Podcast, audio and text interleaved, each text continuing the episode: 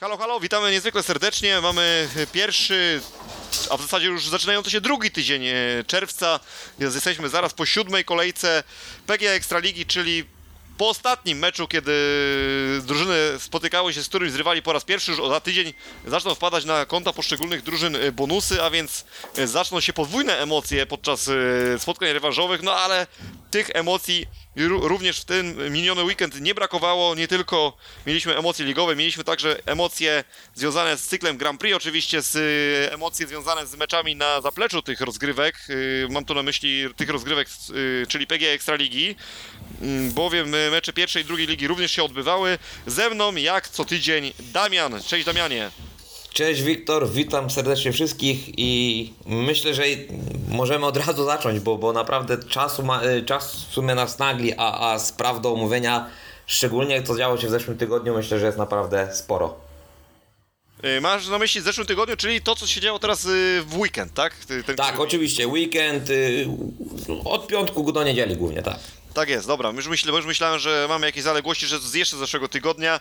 Yy, Nie, nie, Bo spokojnie. przypomnę, my się spotka, spotykamy we wtorek. Być może nasi słuchacze faktycznie się dostosowałeś do nich, yy, mówiąc o zeszłym tygodniu. To faktycznie yy, w 100% masz rację, że to było yy, z perspektywy słuchacza już tydzień temu. No ale z perspektywy naszej to jest tak naprawdę no, niektóre mm, sprawy działy się tak. dwa dni temu, więc to jest jednak cały czas świeże. Zaczynamy od, o, myślę, zgodnie z chronologią, czyli od tego, co się działo w cyklu Grand Prix. Chociaż nie, tak naprawdę powinniśmy zacząć od tego, co się działo podczas meczów PG Ekstraligi w piątek, że jeśli chcemy zachować chronologię. Yy, Generalnie chciałem może zacząć od jednych rozgrywek, później przejść do drugich, ale może faktycznie jeśli chronologia, to chronologia, czyli zaczynamy od e, tego, co działo się. To był jaki dzień? To był piąty dzień czerwca, To tak? Nie, zgadza się, dobra, dokładnie. Nie, trzeci dzień czerwca, przepraszam. Y, Przepraszam, trzeci dzień. Trzeci. Trzeci dzień czerwca, e, wszystko zaczęło się, słuchaj, z meczem, na którym zapewne byłeś. No właśnie i tu cię zadziwię, nie było mnie.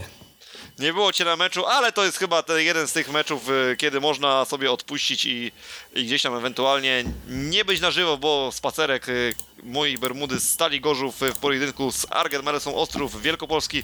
Coś, czego się spodziewaliśmy, że mm, Ostrów Wielkopolski bez Grzegorza Walaska na wyjeździe do Gorzowa, no raczej bez większych szans. Tutaj tak Gorzowianie jeszcze e, dali troszeczkę forów e, przyjezdnym, robiąc e, kilka zmian w składzie. Była zmiana, której się obawiałeś w kontekście PG, menedżera PGA Ekstraligi, czyli Bartek Zmarzlik swojego, swój piąty start oddał zawodnikowi rezerwowemu, czyli Wiktorowi Jasińskiemu, no ale to i tak nie zmieniło sytuacji e, wynikowej, czyli 55-35 dla Kejlum, e, przepraszam, dla mojej Bermudy z Stali Gorzów. Pewne, pewne przyzwyczajenia się nie zmieniają. Ale nie, nie powiesz, że się najłatwiej wypowiadało tę te, te nazwę. No, dwie, Kejlów dwie sylaby. Stagorów, tak, zgadza się, To zgadza była się. bardzo, bardzo prosta nazwa, a te moje Bermudy, no wydłużona troszeczkę nazwa, przepraszam za mój błąd. Natomiast, no, zaczynając od Bartka Zmarzlika, no to chyba tutaj niczym nas szczególnie nie zaskoczył. Cztery trójki, fantastyczny występ, e, genialna jazda, czy, czy to czy ze startu, czy, czy na trasie, to nie było znaczenia, jak Bartek Zmarzlik miał te trójki zdobywać, robił je, no, tak, no do tego przyzwyczaił, czyli w sposób piękny, sposób błyskotliwy i, i oczarował nas swoją prędkością. Tak, myślę, że tutaj nad Bartkiem nie ma sensu w sumie się rozpływać, bo to jest w sumie już poziom od kilku lat, do którego Bartek nas przyzwyczaił. To jest taki poziom e, naprawdę no top top. E, i Tutaj na taką e, na taki plusik przy jego nazwisku to myślę, że ta akcja w biegu szóstym, gdzie przegrał start i e, w zasadzie jechał e, przez chwilę na trzecim miejscu za Tomaszem Gepińskim, za Oliverem Bertsonem, ale na drugim łuku mm, e, delikatnie się wyniósł, e, przy, przyciął, przyciął z wyjścia i w sumie wyprzedził, można powiedzieć, e, za jednym zamachem dwóch zawodników gości, e, więc tutaj, no Bartek to wiadomo, tutaj klasa sama w sobie. E, jeżeli chodzi o o Gorzów to tak na dobrą sprawę przyczepić można by się było delikatnie, znaczy delikatnie, no nawet chyba troszkę bardziej niż delikatnie do Patryka Hansena, który tylko e, 5 punktów z bonusem e, zapisał przy swoim nazwisku e, za ten e, mecz, więc e, tutaj no jest delikatny, na pewno nies- e, pozostał nie, niesmak taki, e, jeżeli chodzi o, Patryka Hansena, bo tutaj no, na pewno to jest jego była drużyna, tak? On chciał się jak najlepiej tutaj przy tym, przy, według, według, oj, inaczej. Chciał się jak najlepiej zaprezentować przeciwko swojej starej drużynie, tak? Tutaj niestety tylko 5 punktów z bonusem w 5 biegach. Ja myślę, że wszystkim Patryk Hansen ma cały czas problem z prędkością motocykli i tutaj e, to jest taki jakby największy, największego bolączka. E, I tak generalnie no, Wiktor Jasiński wyjechał, wiadomo, w trudnym, e, w trudnym momencie meczu się, bo jeżeli się wyjeżdża dopiero w czwartej serii startów, no to jest ciężko być spasowanym, więc tutaj dwa punkty w dwóch biegach. Mateusz Bartkowiak e, i przede wszystkim Oskar Hurysz, jeżeli chcielibyśmy jeszcze o kimś porozmawiać w, w kontekście tego meczu, to myślę, że tutaj Oskar Hurysz swoją postawą w biegu juniorskim im plus.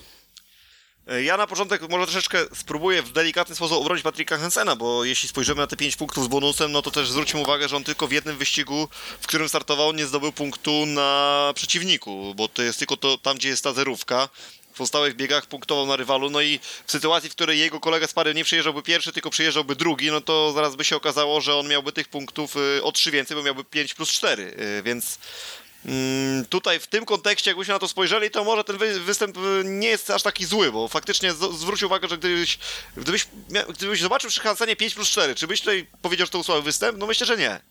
Gdybym zobaczył 5 plus 4, to oczywiście nie powiedziałbym, że to był zły występ, aczkolwiek e, widać, e, e, oglądałem ten mecz w telewizji i tutaj no Patryk e, znakomicie ze startu, ale e, czy to Chris Holder, czy później e, bodajże Matthias Nielsen e, z bardzo dużą łatwością obierzali e, Duńczyka, który poniekąd startował na swoim, e, w tym sezonie na swoim domowym torze. Jakby ja tego nie neguję, bo to się zgadzam, ja tylko po prostu chciałem w obronę, jeśli chodzi o same zdobycze punktowe, tutaj troszeczkę Patryka wziąć, że może to nie było aż tak tragicznie, bo jednak yy, punkty zdobywane na rywalach, więc tych bonusów troszkę mniej. Yy, no ale generalnie, tak jak mówisz, troszeczkę ta prędkość była słaba. Yy, faktycznie z takimi najlepszymi zawodnikami przyjezdnych miał problemy, wygrywał tak naprawdę z Tomkiem Gapińskim. Yy, Tam z Jakubem Krawczykiem, no i z kimś, kimś jeszcze tam e, gdzieś ten punkt zdobył, więc e, faktycznie może tutaj nie byli to jacyś e, jakieś topowe zdobycze punktowe, jeśli chodzi o e, jeśli po- spojrzymy o rywali, których za sobą przywoził Patrick Hansen, więc tu ok. Jeśli chodzi o Bartkowiaka i Kurysza, no mówiąc szczerze, ja tutaj nie widzę jakichś wielkich powodów do rozpływania się nad tą dwójką. Okej, Oskar Kurysz zdaje sobie sprawę, że tam problemy jakieś zdrowotne miał ten chłopak i że to był chyba bodajże dopiero jego debiut, więc na pewno jak na, na te warunki, no to fajnie, że wygrał w PG Ekstralidze wyścig młodzieżowy 5 do 1. Natomiast myślę, że no bądźmy szczerzy, no chyba no, e, historia Oskara Korysza z y, PG Ekstraligą no na tę chwilę się kończy, bo już w składzie awizowanym z tego co widziałem, e, jak się nie, przynajmniej jak się nie mylę, to chyba już e, Oskar Paluch jest y, przewidywany na, na najbliższy mecz drużyny z Gorzowa, więc no Oskar będzie musiał znowu czekać na swoją szansę. Absolutnie się z Tobą zgadzam, tak, tutaj Oskar Hurysz, y, oczywiście ta, tak jak powiedziałeś, y, tutaj kontuzja przes- przeszkodziła prawdopodobnie, aby to on był tym y, drugim juniorem od początku tego sezonu. Y, Być może jest właśnie tak jak mówisz, że, że, że tylko ten jeden y, mecz w tym sezonie. Mm, No bo nie ukrywajmy tutaj wszyscy, przede wszystkim Gorzów wiąże bardzo dużo nadzieję z, z, z Oskarem Paluchem. Y, to jest, no dzisiaj a propos, dzi- dzisiaj 16 urodziny Oskar obchodzi, wiadomo, w piątek y, debiut w Ekstralidze. Mm, Ja myślę, że tutaj e, czas na komplety i na jakąś spektakularną akcję jeszcze dojdzie. To jest 16-latek oczywiście, to jest, mówi się, że bardzo, bardzo, bardzo duży talent, y, ale ja bym, ja bym jednak delikatnie, e, delikatnie stonował e, te zapędy niektórych e, dziennikarzy i, powiedział, że spokojnie dajcie chłopakowi przede wszystkim nauka, bo to, bo to i te doświadczenie trzeba zbierać i, myślę, że ten sezon, do końca tego sezonu już ten sezon ma być takim właśnie zbieraniem doświadczenia Oskara Palucha w Ekstralidze, aby to w przyszłym roku już na pewno lepiej funkcjonowało. Y, Ja się duży, podpisuję pod tym, co ty mówisz, szczególnie, że jak spojrzymy właśnie na rywali Stali Gorzów, czyli Arget Malese, Ostrów Wielkopolski i zobaczymy, co się działo z tamtymi juniorami, którzy już ładnych parę lat ligowych y, się objeździli, wobec których stworzono naprawdę jakieś tam duże oczekiwania związane z rozgrywkami PG Ekstraligi. No i widzimy, jak to się finalnie kończy. Finalnie się kończy tak, że oni przyjeżdżają na parę Bartkowiak-Kurysz, nie są w stanie z tą parą, tej pary nawet przedzielić. I Oskar Kurysz ich przywodzi na 5-1. mm, debiutant, do- dodajmy, więc y, w tym wypadku faktycznie y, tworzenie takiej otoczki, takiego nakręcania spirali wokół tego Oskara Paluka też może faktycznie odbić się w jakiś negatywny sposób, że może to nie zaskoczy. Chociaż z drugiej strony, jak spojrzymy na też przeszłość, chociażby Bartka Zmarzlika wchodzącego 16-letniego, y, Przemka Pawlickiego wchodzącego 16-letniego, który, o których też tak samo się mówi, że to są ogromne talenty, więc jak spojrzymy na nich, jak oni wchodzili do tej PG Ekstraligi, ja tam nie pamiętam, nie chcę skłamać, ale tam jak pamiętam, jak Przemek Pawlicki tam wchodził pierwszy mecz w PG Ekstralidze jechał, to on chyba tam jakieś y, fak- fantastyczne rezultaty, jak dobrze pamiętam, y, wykręcał i wszyscy się za, zachwycali, jakie to jest cudowne dziecko. No, po- Popraw mnie, Damian, jeśli źle, jeśli ja źle kojarzę, jeśli źle pamiętam, ale, ale chyba taka, takie historie mia- były właśnie chociażby z tym zawodnikiem związane, więc dlaczego tak podobnie nie miało być z Oskarem Paluchem, skoro tutaj również są te jednak tradycje w rodzinie e, żużlowe zachowane w jakiś sposób. E, Tak, e, nawiązując jeszcze tutaj do Przemka Pawlickiego, e, tak, masz rację, tu był kapitalny debiut w 2008 roku bodajże. mm, No ja właśnie mając- chciałem mówić, że to był 2008, tylko nie chciałem tej przestrzelić przypadkiem. Aha, no to, to, to mi się udało. Mm, teraz aż z ciekawości sprawdzę, ile, ile punktów w debiucie yy, zdobył Przemysław. Ojej, zna- odnajdziesz to? Tak, znalazłem. No i muszę ci powiedzieć, że naprawdę tutaj yy, wielki ukłon dla ciebie za to, że, za, za, za, za, za to, że wiedziałeś, że zdobył mm, dużo punktów, bo, bo w pięciu biegach wykręcił tych punktów 11. Yy, na, oczywiście na swoim torze yy, przeciwko drużynie Atlasa Wrocław, no ale o Jezu, w debiucie z Ekstraligą 11 punktów w pięciu biegach, no. No to jeżeli chodzi o Przemysława Pawlickiego, to tutaj naprawdę wszedł z butami do tej Ekstraligi wtedy. No i kto wie, może będzie podobnie w przypadku Oskara Palucha. Oczywiście, tak jak powtarzasz y, tutaj i podkreślasz, to będzie troszeczkę utrudnione zadanie w przypadku z wychowanka stali ze względu na to, że właśnie będzie to mecz wyjazdowy. Natomiast jednak jak zestawimy y, Atlas Wrocław 2008, Arget Balesa Ostrów Wielkopolski 2022, no to wydaje mi się, że jednak yy, Atlas Wrocław tamtejszy, tylko że tam pamiętam, że ten Atlas wtedy nie był aż taki mocny, chociaż tam chyba jeździł Jason Kram, Scott Nichols chyba, jak dobrze kojarzę, Tak, Jason, Jason, Jason Kramp y, jak najbardziej jeździł. Y, Jeździł też mm, Chris Holder bodajże. A to jest bardzo prawdopodobne, tak, bo on chyba. pamiętam. O, on chyba później właśnie, tak, tak mo- może, może być tak właśnie jak mówisz, że on w w 2008 był bardzo możliwe w, w wsparcie Wrocław i to nie był właśnie Scott Nichols. Scott Nichols tam chyba, nie wiem czy nie jeździł wtedy w Stali Rzeszów, y, w którymś tam sezonie właśnie. Y, W 2007 i 2008 bodajże tak, Scott Nichols chyba jeździł w, A, a Jason Kram chyba jeździł w 2007 w Rzeszowie i 2008 we Wrocławiu z tego co We Wrocławiu, tak, we, to na pewno we Wrocławiu jeździł Jason Kramp, e, bo tutaj tak e, szybko patrzę, e, skład Atlasa Wrocław na pierwsze spotkanie, e, no zgadnij z jaką drużyną, Kejlum Stal Gorzów.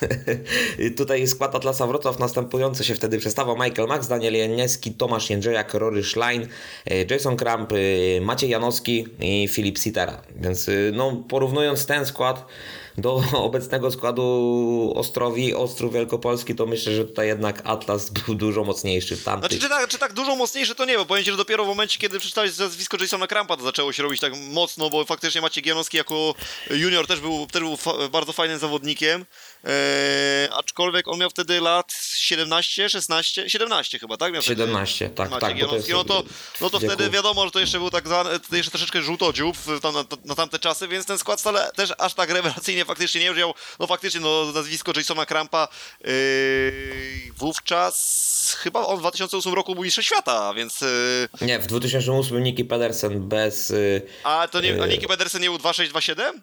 I 2728. 28 Jason Kramp? Nie, 2728. Jason Kramp był 2003, y, 2000 bodajże 6 i 2009. To bardzo. A, przepraszam, to w 2009. Tak, tak, to było. Może mogło być, że w 2009 było to ostatnie mistrzostwo. Przepraszam najmocniej. Tak, bo on e, był rok przed y, y, y, tym. Tomaszem Golobem. Golobem. Tak, 2-9. Przepraszam najmocniej za, za tę e, fatalną pomyłkę. Ale już skończymy tym off-topikiem. Wracamy do meczu w Gorzowie. Tutaj generalnie wydaje mi się, że omawianie jest stosunkowo mało, bo przede wszystkim można się też rozpłynąć nad Andersem Thompsonem, bo 12 plus 2 tego zawodnika, który wejście w sezon miał dosyć słabe, powiedzmy sobie szczerze. Mm, Nie było, nie był jakiś e, porywający, e, jeśli chodzi o swoją jazdę, Anders Thompson. Martin Waculik też troszeczkę się zaczyna rozkręcać z meczu na mecz e, i to chyba powoduje, że Stal Gorzów znowu będzie w schemacie 4 plus 3 funkcjonowała tak jak w poprzednim sezonie, bo Patryk Hansen troszeczkę zaczyna powolutku cieniować, tak jak w zeszłym roku był bronił z Rafałem Karczmarzem. No myślę, że jednak mimo wszystko Patryk Hansen jest jednak o poziom wyżej od tego Rafała Karczmarza. Gdzieś tam w którymś odcinku próbowałem go bronić, bo tam mm, dwa fajne biegi pojechał w pierwszej lidze, no ale generalnie summa summarum, jak spojrzymy na jego występy w pierwszej lidze, to jednak e, całościowo patrząc, to jest e, to słaby występ. W zeszłym roku równie słabo w PG Ekstralidze, o ile nie słabiej. No i teraz e, plus jest taki właśnie, że ci jednak juniorzy moim zdaniem w tym roku no powinni jakoś jednak ten Stal Gorzów ciągnąć. No o ile faktycznie był Wiktor Jasiński w zeszłym roku, który na pewno mocnym był dosyć ogniwem na pozycji juniorskiej, natomiast troszeczkę też mocne, mocniejsze były te formacje młodzieżowe innych zespołów wokół. Teraz wydaje mi się, że troszeczkę ten poziom tych y, formacji młodzieżowych osłabł, a więc Oskar Paluch, jeśli tutaj wskoczy na odpowiednim poziomie do Stali Gorzów, to możecie być, y, mówię tutaj możecie, w sensie do Ciebie jako reprezentanta Stali, y, myślę, że macie tutaj spore szanse na naprawdę dobry wynik, jeśli nawet nie znaczy złote medale, no przy takim rozpędzonym motorze to może nie, ale na finał myślę, że myślę, że na pewno szanse spore, szczególnie jak macie takiego pewniaka jak Bartek Zmarti w, w składzie. Sezon jeszcze długi, więc tutaj do września jeszcze, jeszcze dosyć czasu zostało, bo to dopiero zaczyna się runda rewanżowa, tak jak szybciej tutaj wspomniałeś. Eee, to jest takie wróżenie z fusów. Eee, Ja mm, nie chciałbym się tutaj bawić, kto będzie, a kto nie będzie. W, w, oczywiście. Myślę, że tutaj e, Oskar Paluch e, też na początku mówiłem, żeby tutaj dać temu chłopakowi czas na rozjeżdżenie, na zaznajomienie się z tym wszystkim, jak to wszystko funkcjonuje, ale myślę, że e, to jest i tak już w tym momencie wartość dodana do, do składu Stali Gorzów. Zobaczymy, bo jeżeli naprawdę ten schemat, o którym wspomniałeś, 4 plus 3, czyli Waculik, Thompson, Woźniak i Zmarzlik yy, będą jeździć na tym poziomie, na którym byli podczas meczu z Ostrowem Ostrów, no to oczywiście tutaj ta czwórka jest bardzo mocnych seniorów.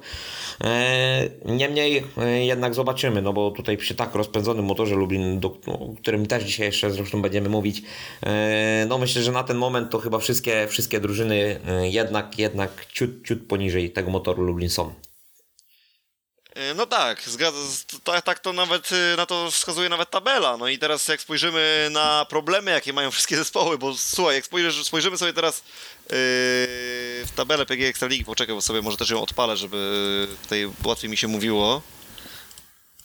E, To tak, mamy motor Lublin 14 i dopiero Fogo Unia Luczne 10, tak więc to są już na, przy 7 kolejkach 4 punkty różnicy, to już troszeczkę jest, a jak spojrzymy na małe punkty, to w ogóle to jest jakaś, jakiś pogrom ze strony motoru, to co oni robią. 92 punkty już na plusie Yy, i powiem Ci teraz tak, jak spojrzymy na tabelę, to jest motor Lublin, jest Stal Gorzów i to są dwa, dwa zespoły, yy, które powiedzmy nie mają problemów, bo jest Fogo Unia Leszna bez Nikiego Piotra. Pawlickiego. Yy, przepraszam, Pat- Piotra Pawlickiego, tak.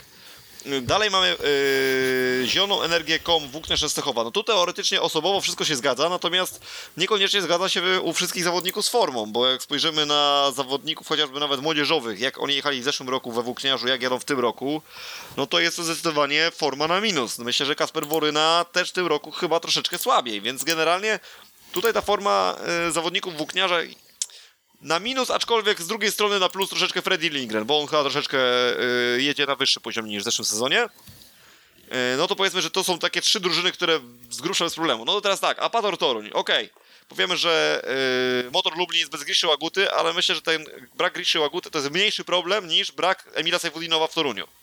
No już zdecydowanie, to Bo zdecydowanie. motor Lublin ma mocnych zawodników na pozycji młodzieżowca, mają mocnego zawodnika, mocnych zawodników U23, U24. Yy, No w Toruniu nie ma tego zawodnika na U23. yy, Więc jakby tu się, tu się pojawia jakiś problem yy, delikatny. Jest yy, U24 Robert Lambert. No i tutaj jest, wystarczy, że troszeczkę gorzej jedzie Jack Holder i są duże problemy. Sparta Wrocław, no to chyba tu nawet nie trzeba mówić, jaki jest problem, jeśli zobaczymy, że nie jedzie mistrz świata.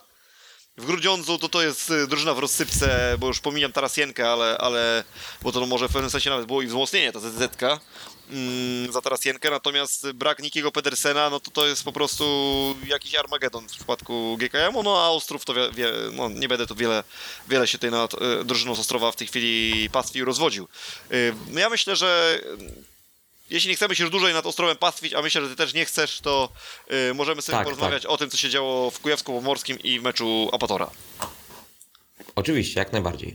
E, szybkim e, ruchem, e, że tak powiem, ręki przenosimy się na środek centralnej Polski.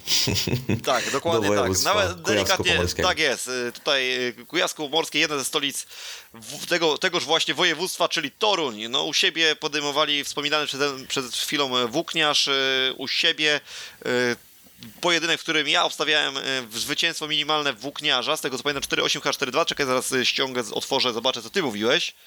Ja mówiłem 48-42 dla Apatora. I Dokładnie udało. tak, dokładnie tak było. No ja troszeczkę się spodziewałem więcej po, po Ale ty, Włókniarza. a propos, po, powrócę tylko do meczu Ostrowa, z, y, Gorzowa z Ostrowem, chyba ty obstawiałeś wynik 55-35, o ile dobrze pamiętam. Tak, a ty 56-34, wiele się nie, Tak. pomyli, nie pomyliłeś. Tak. Tak więc, Tak. yy, tak więc mi się tam udało. Tutaj powiem ci tak, no troszeczkę szczerze powiedziawszy, Fredry Lindgren mnie yy, zawiódł w tym meczu, bo 9 punkcików yy, z bonusem przy 6 biegach.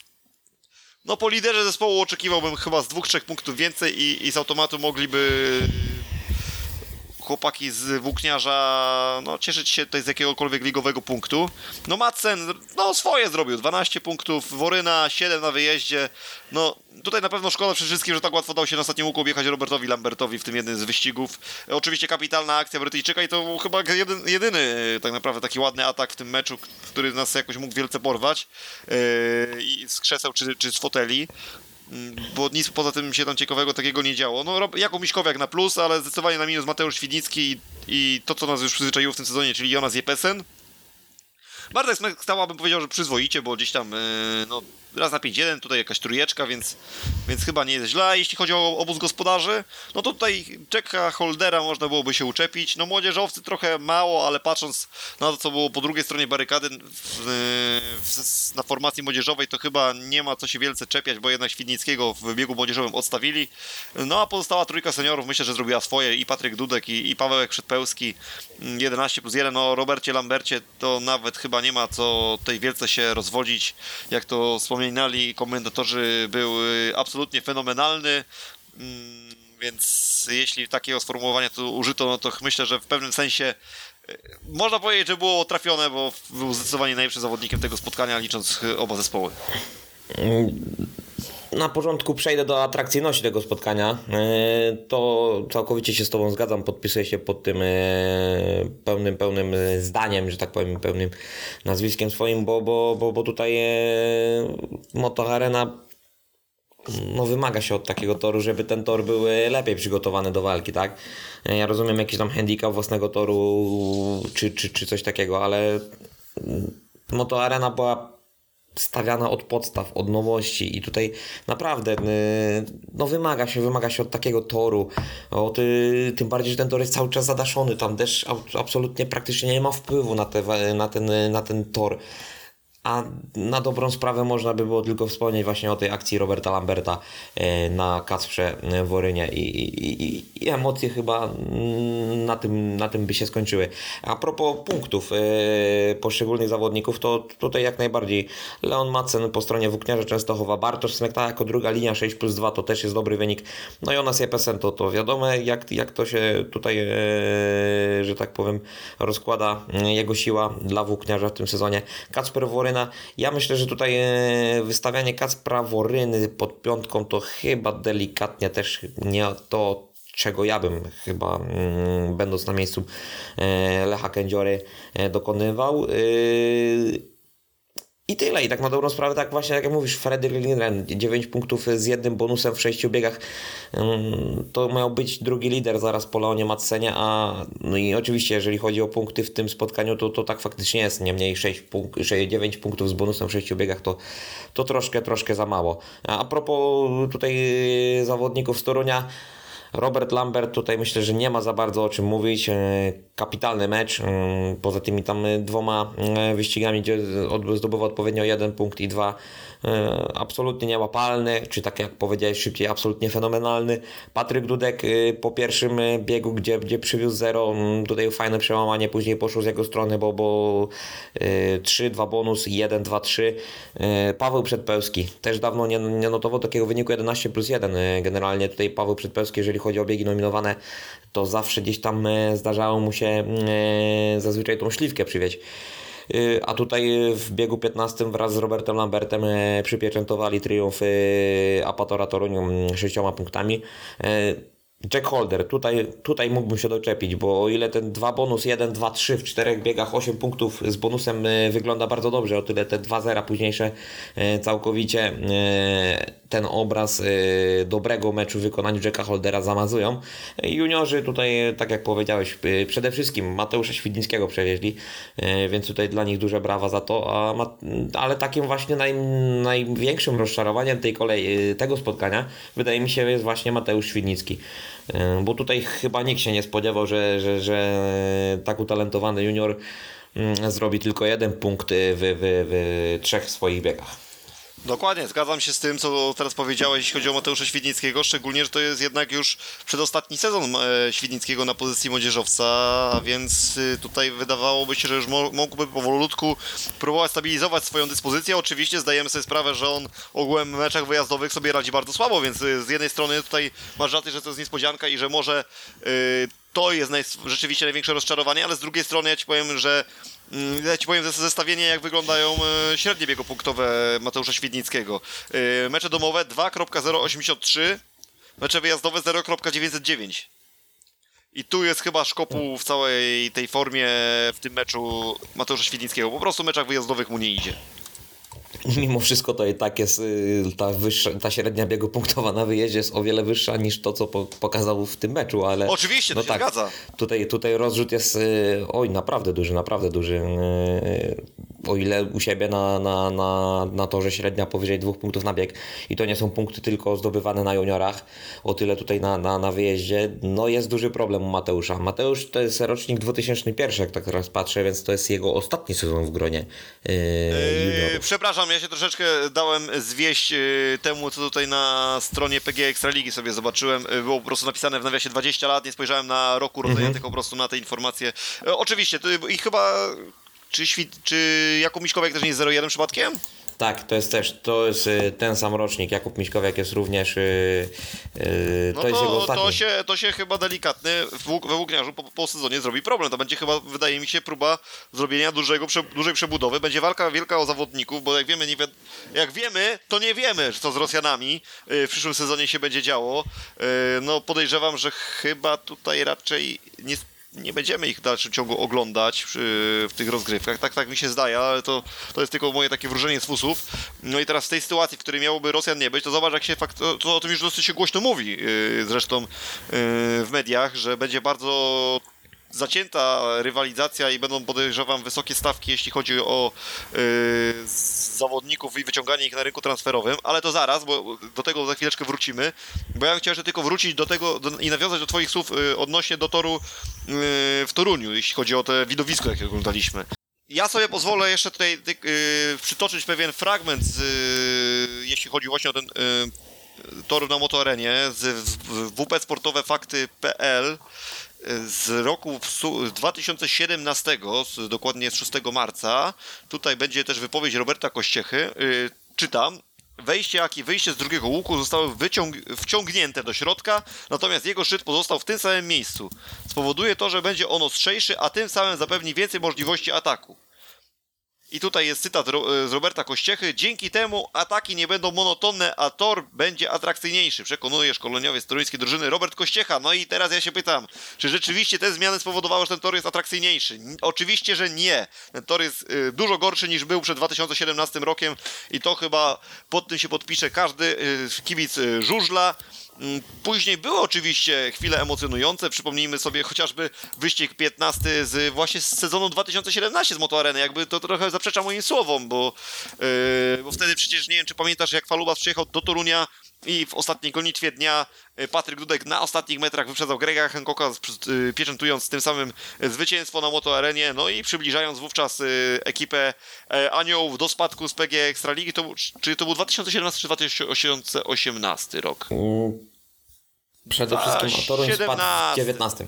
Ale Toruń spadł w 19. A, to przepraszam, to pomyliłem sezony, bo tak, tak mi się Y, to wydaje. w 17 bodajże y, tutaj Apator do końca bił się chyba o playoff, jak dobrze pamiętam i tutaj właśnie y, to chyba była też klucz, jedna z przyczyn, y, gdzie jak dobrze pamiętam y, Apatora w, wtedy nie było, nie było w, w, w, w najlepszej czwórce y, żużlowej Ligi Świata y, PG Ekstraligi. Dobra, y, już nawet nie będę tutaj do tego nawiązywać. W każdym razie wa- najważniejsze jest to, że y, właśnie y, taki jest tutaj problem z, tym, z tą przebudową toru z 2017 roku. Pytanie można sobie zadać jedno proste. Po co zmieniać coś, jeśli coś było dobre? No natomiast ja już tutaj z tego samego artykułu śpieszę z odpowiedzią, która sama się y, nawiązuje. Mm, tutaj mamy Taki cytat. Zmiany miały związek z dużą znajomością toryjskiego owalu przez topowych zawodników, którzy w trakcie sezonu kilkukrotnie mieli okazję ścigać się na motorenie. Swoje doświadczenia przynosili później na spotkania ligowe i ekipa Jacka Gajewskiego traciła automatycznie atut własnego toru. Od zbliżającego sezonu od zbliżającego sezonu ma to się to zmienić. No i w związku z tym zmieniło się, ale pytanie, czy ci zawodnicy stopowi jakoś nie znają tego toru, no ja tego po nich nie widzę. Jak widzę Leona Macena na motoarenie, no to wcale nie powiedziałbym, żeby on tego toru jakoś szczególnie nie znał, no ale nie będę tutaj wchodził e, tutaj w polemikę. I druga, ale chociaż jednak wejdę w lekką polemikę, no bo w sumie jak popatrzymy na wyniki Apatora, to one też nie są jakieś takie oszałamiające, że oni, ktoś przyjeżdża na, na motoarenę i oni, i oni leją tych rywali, że faktycznie jest nie wiadomo jaki, jaka przewaga, bo została zmieniona troszeczkę geometria tego toru. Nie, tutaj oczywiście ja się podpisuję pod tym, co powiedziałeś. Zmienili w sezonie 2017, tak? Tutaj oczywiście ten mecz yy, i ten pamiętny bieg, gdzie Patryk Dudek i Piotr Protasiewicz yy, pieczętują w ostatnim biegu, a szczególnie Patryk Dudek na ostatnim roku przypieczętowuje zwycięstwo yy, Zielonej Górze, to, to, to można by było powiedzieć, że, że to się delikatnie kłóci z tym, co my tutaj twierdzimy o tym torze, tak? Że, że atrakcyjność miała się poprawić i oczywiście, jeżeli chodzi z perspektywy tam, tamtego meczu, można byłoby powiedzieć, że tak było, ale jeżeli chodzi o całokształt twórczości, że tak powiem, i tej zmiany od 2017 roku, no to jednak ta motoarena y, jest coraz, coraz gorsza, jeżeli chodzi y, o mijanki i o to wszystko. Nie wiem, nie wiem w czym leży problem. y, Być może tutaj kwestia przyłożenia po prostu odpowiednich osób do, do, do przygotowania tej nawierzchni, bo, bo jeżeli chodzi na przykład o rundy Grand Prix, chociażby w roku 2019, gdzie Bartosz Zmarzyk zdobywał tytuł indywidualnego mistrza świata na żużlu, no to fenomenalny turniej wtedy na motoarenie. Miałem okazję być na tym stadionie wtedy, oglądać ten turniej z bliska. E, Ale tu naprawdę na palcach jednej, e, góra dwóch rąk można policzyć e, to, jakie widowiska od 2017 roku były pasjonujące na motoarenie. Nie, nie mówię tutaj tylko o pojedynczych biegach, tylko chodzi mi o całe mecze, czy też pojedy, czy jakieś rundy Grand Prix. No tutaj wspominałeś o Bartku z Marzliku, a tak tylko tutaj nawiasem powiem, bo jesteśmy, rozmawiamy we wtorek, właśnie kończą się mecze szwedzkie Elite Serien. Bartosz z Marzlik, Wynik 3-3-3-3-3-3. No, dziękuję bardzo. Bartek Zmarzlik y, swoje. Myślę, że kurs na to zaraz będzie wynosił, że w lidze szwedzkiej Bartek Zmarzlik zrobi komplet na poziomie u Bukmacherów będzie wynosił 1,30 no i będzie się chyba opłacało bardziej postawić na to, że Bartek z Barzlik zdob- straci jakikolwiek punkt niż na to, że zdobędzie komplet y, na torach Ligi Szwedzkiej, no ale to już do tego Bartek Zmarzlik nas w ostatnich latach przyzwyczaił. Można by było powiedzieć, że dzień jak co dzień w biurze. Dokładnie tak, dokładnie tak. A jeśli chodzi o ten mecz z Torunia, no to znowu niestety trzeba powiedzieć troszeczkę, że ten dzień jak co dzień w biurze, jedyne co nas trzymało w emocjach to ten e, wynik cały czas oscylujący w granicach gdzieś tam remisu, e, plus minus, e, no maksymalna chyba różnica wynosiła w pewnym momencie 6 punktów, w związku z tym tam właśnie ten Fredrik Lindgren wskoczył z taktycznej.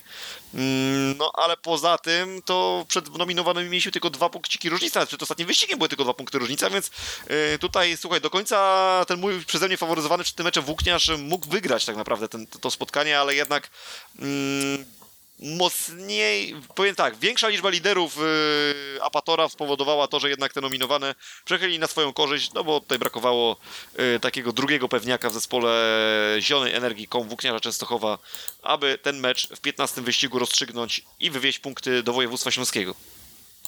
I Tak, tu, czy coś jeszcze tutaj chcemy o tym, jak to jak się coś rozwodzi nad tym meczem? Coś więcej? Powiedz mi. Nie, ja myślę, że tutaj chyba powiedzieliśmy wszystko o tych piątkowych meczach. Znowu te piątkowe mecze, znaczy może wynik y, meczu w Toruniu nie odzwierciedla tego, że ten mecz był jednostronny, ale jednak na to, że nie działo się zbyt wiele, więc myślę, że tutaj znowu mecze niedzielne dużo więcej emocji nam dostarczyły.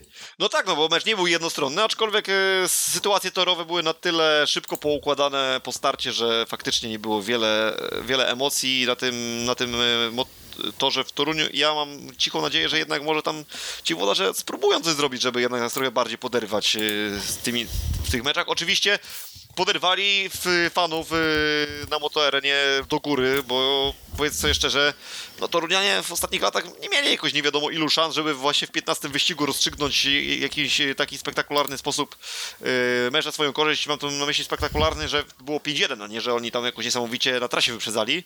Mm, ale faktycznie nie wiem, czy widziałeś, euforia była dosyć spora na, na trybunach y, stadionu. No tak, tutaj e, jeżeli chodzi nie tylko o stadion, ale także o, o, o park e, maszyn po stronie gospodarzy, no to tutaj naprawdę, e, naprawdę myślę, że najbardziej chyba z tego wszystkiego cieszył się sam trener Robert Savina, bo tutaj delikatny kamień z serca można by było sobie zrzucić, no bo pamiętajmy tutaj e, na początku Toruń e, gościł u siebie mm, drużynę z Ostrowa w tym sezonie i to było dosyć pewne zwycięstwo, bodajże 54-36, jak dobrze pamiętam. E, Później, e, później był problem z, z e, motorem Lublin. I, tutaj e, wtedy w drugim meczu, to był bodajże drugi mecz e, Apatora Toruń u siebie na torze. E, tak, to było mm, dokładnie, mm, rzecz biorąc w kolejce numer 4, jak dobrze pamiętam, tak, w kolejce numer 4 przegrali z motorem Lublin. Później no nie wiem, no tutaj e, fakt faktem to było dopiero trzeci mecz, e, jeżeli chodzi o e, Apator Toruń u siebie. Ale to nie chodzi tylko, wiesz co, Damianie, to nie chodzi już tylko o ten sezon, to chodzi o tak, ale nie? tak, tutaj jeżeli chodzi o nie tylko o ten sezon, tylko o całokształt, no to Apator Toruń od kilku sezonów ma problem z, e, że tak powiem, ze swoim torem i z, żeby jakikolwiek handicap mieć w stosunku do drużyny przeciwnej. Y, Słuchaj, jeszcze też chcę zwrócić uwagę, bo mówimy tutaj o chociażby wygranej y, 55-35 z Ostrowem, no to powiedzmy sobie szczerze, że Ostrów raczej każdy pokonuje u siebie y, różnicą około 20 punktów, więc to nie jest nic jakiegoś nawet y, takiego jakiegoś ponadprzeciętność. y, No i myślę, że tym zostawmy temat y, moim zdaniem tej Torunia, że wygrali. Y, oczywiście gratulujemy im tego serdecznie, ale generalnie styl tych zawodów no troszeczkę nas nie powala na kolana i życzylibyśmy sobie, żeby okej, jeśli Toru ma wygrywać, to żeby tam faktycznie wygrywali po jakichś ładnych szarżach na dystansie, po jakiejś ładnej walce, żeby faktycznie nam się chciało to oglądać, bo zaraz się okaże, że te mecze w Toruniu tak kiedyś wszyscy oglądaliśmy z zapartym tchem, tak teraz mam wrażenie, że mm, no coraz, coraz bardziej nas od, odtrąca właśnie to, że tam się nic nie dzieje na tym torze. I dobra, starczy się, myślę, pastwić nad tym torem z y, Torunia, bo widzę, że tak się trochę uczepiliśmy. Najpierw Ostrowian, później się uczy, teraz ja się uczy, albo to ja się może uczepiłem, teraz się uczepiłem trochę tego toru. Y, no ale po prostu mówię, co mnie, co boli, co, co mi leży na sercu w tym momencie.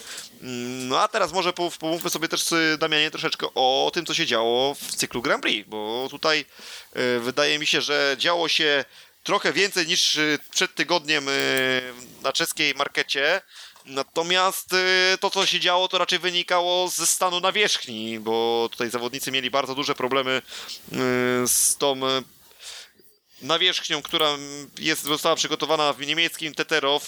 Z tego, co pamiętam, mówiłeś, że się tam wybierasz na ten mecz i jak domyślam się, to wszystko udało się zrealizować. Tak, tak, byłem na miejscu w Teterow w sobotę.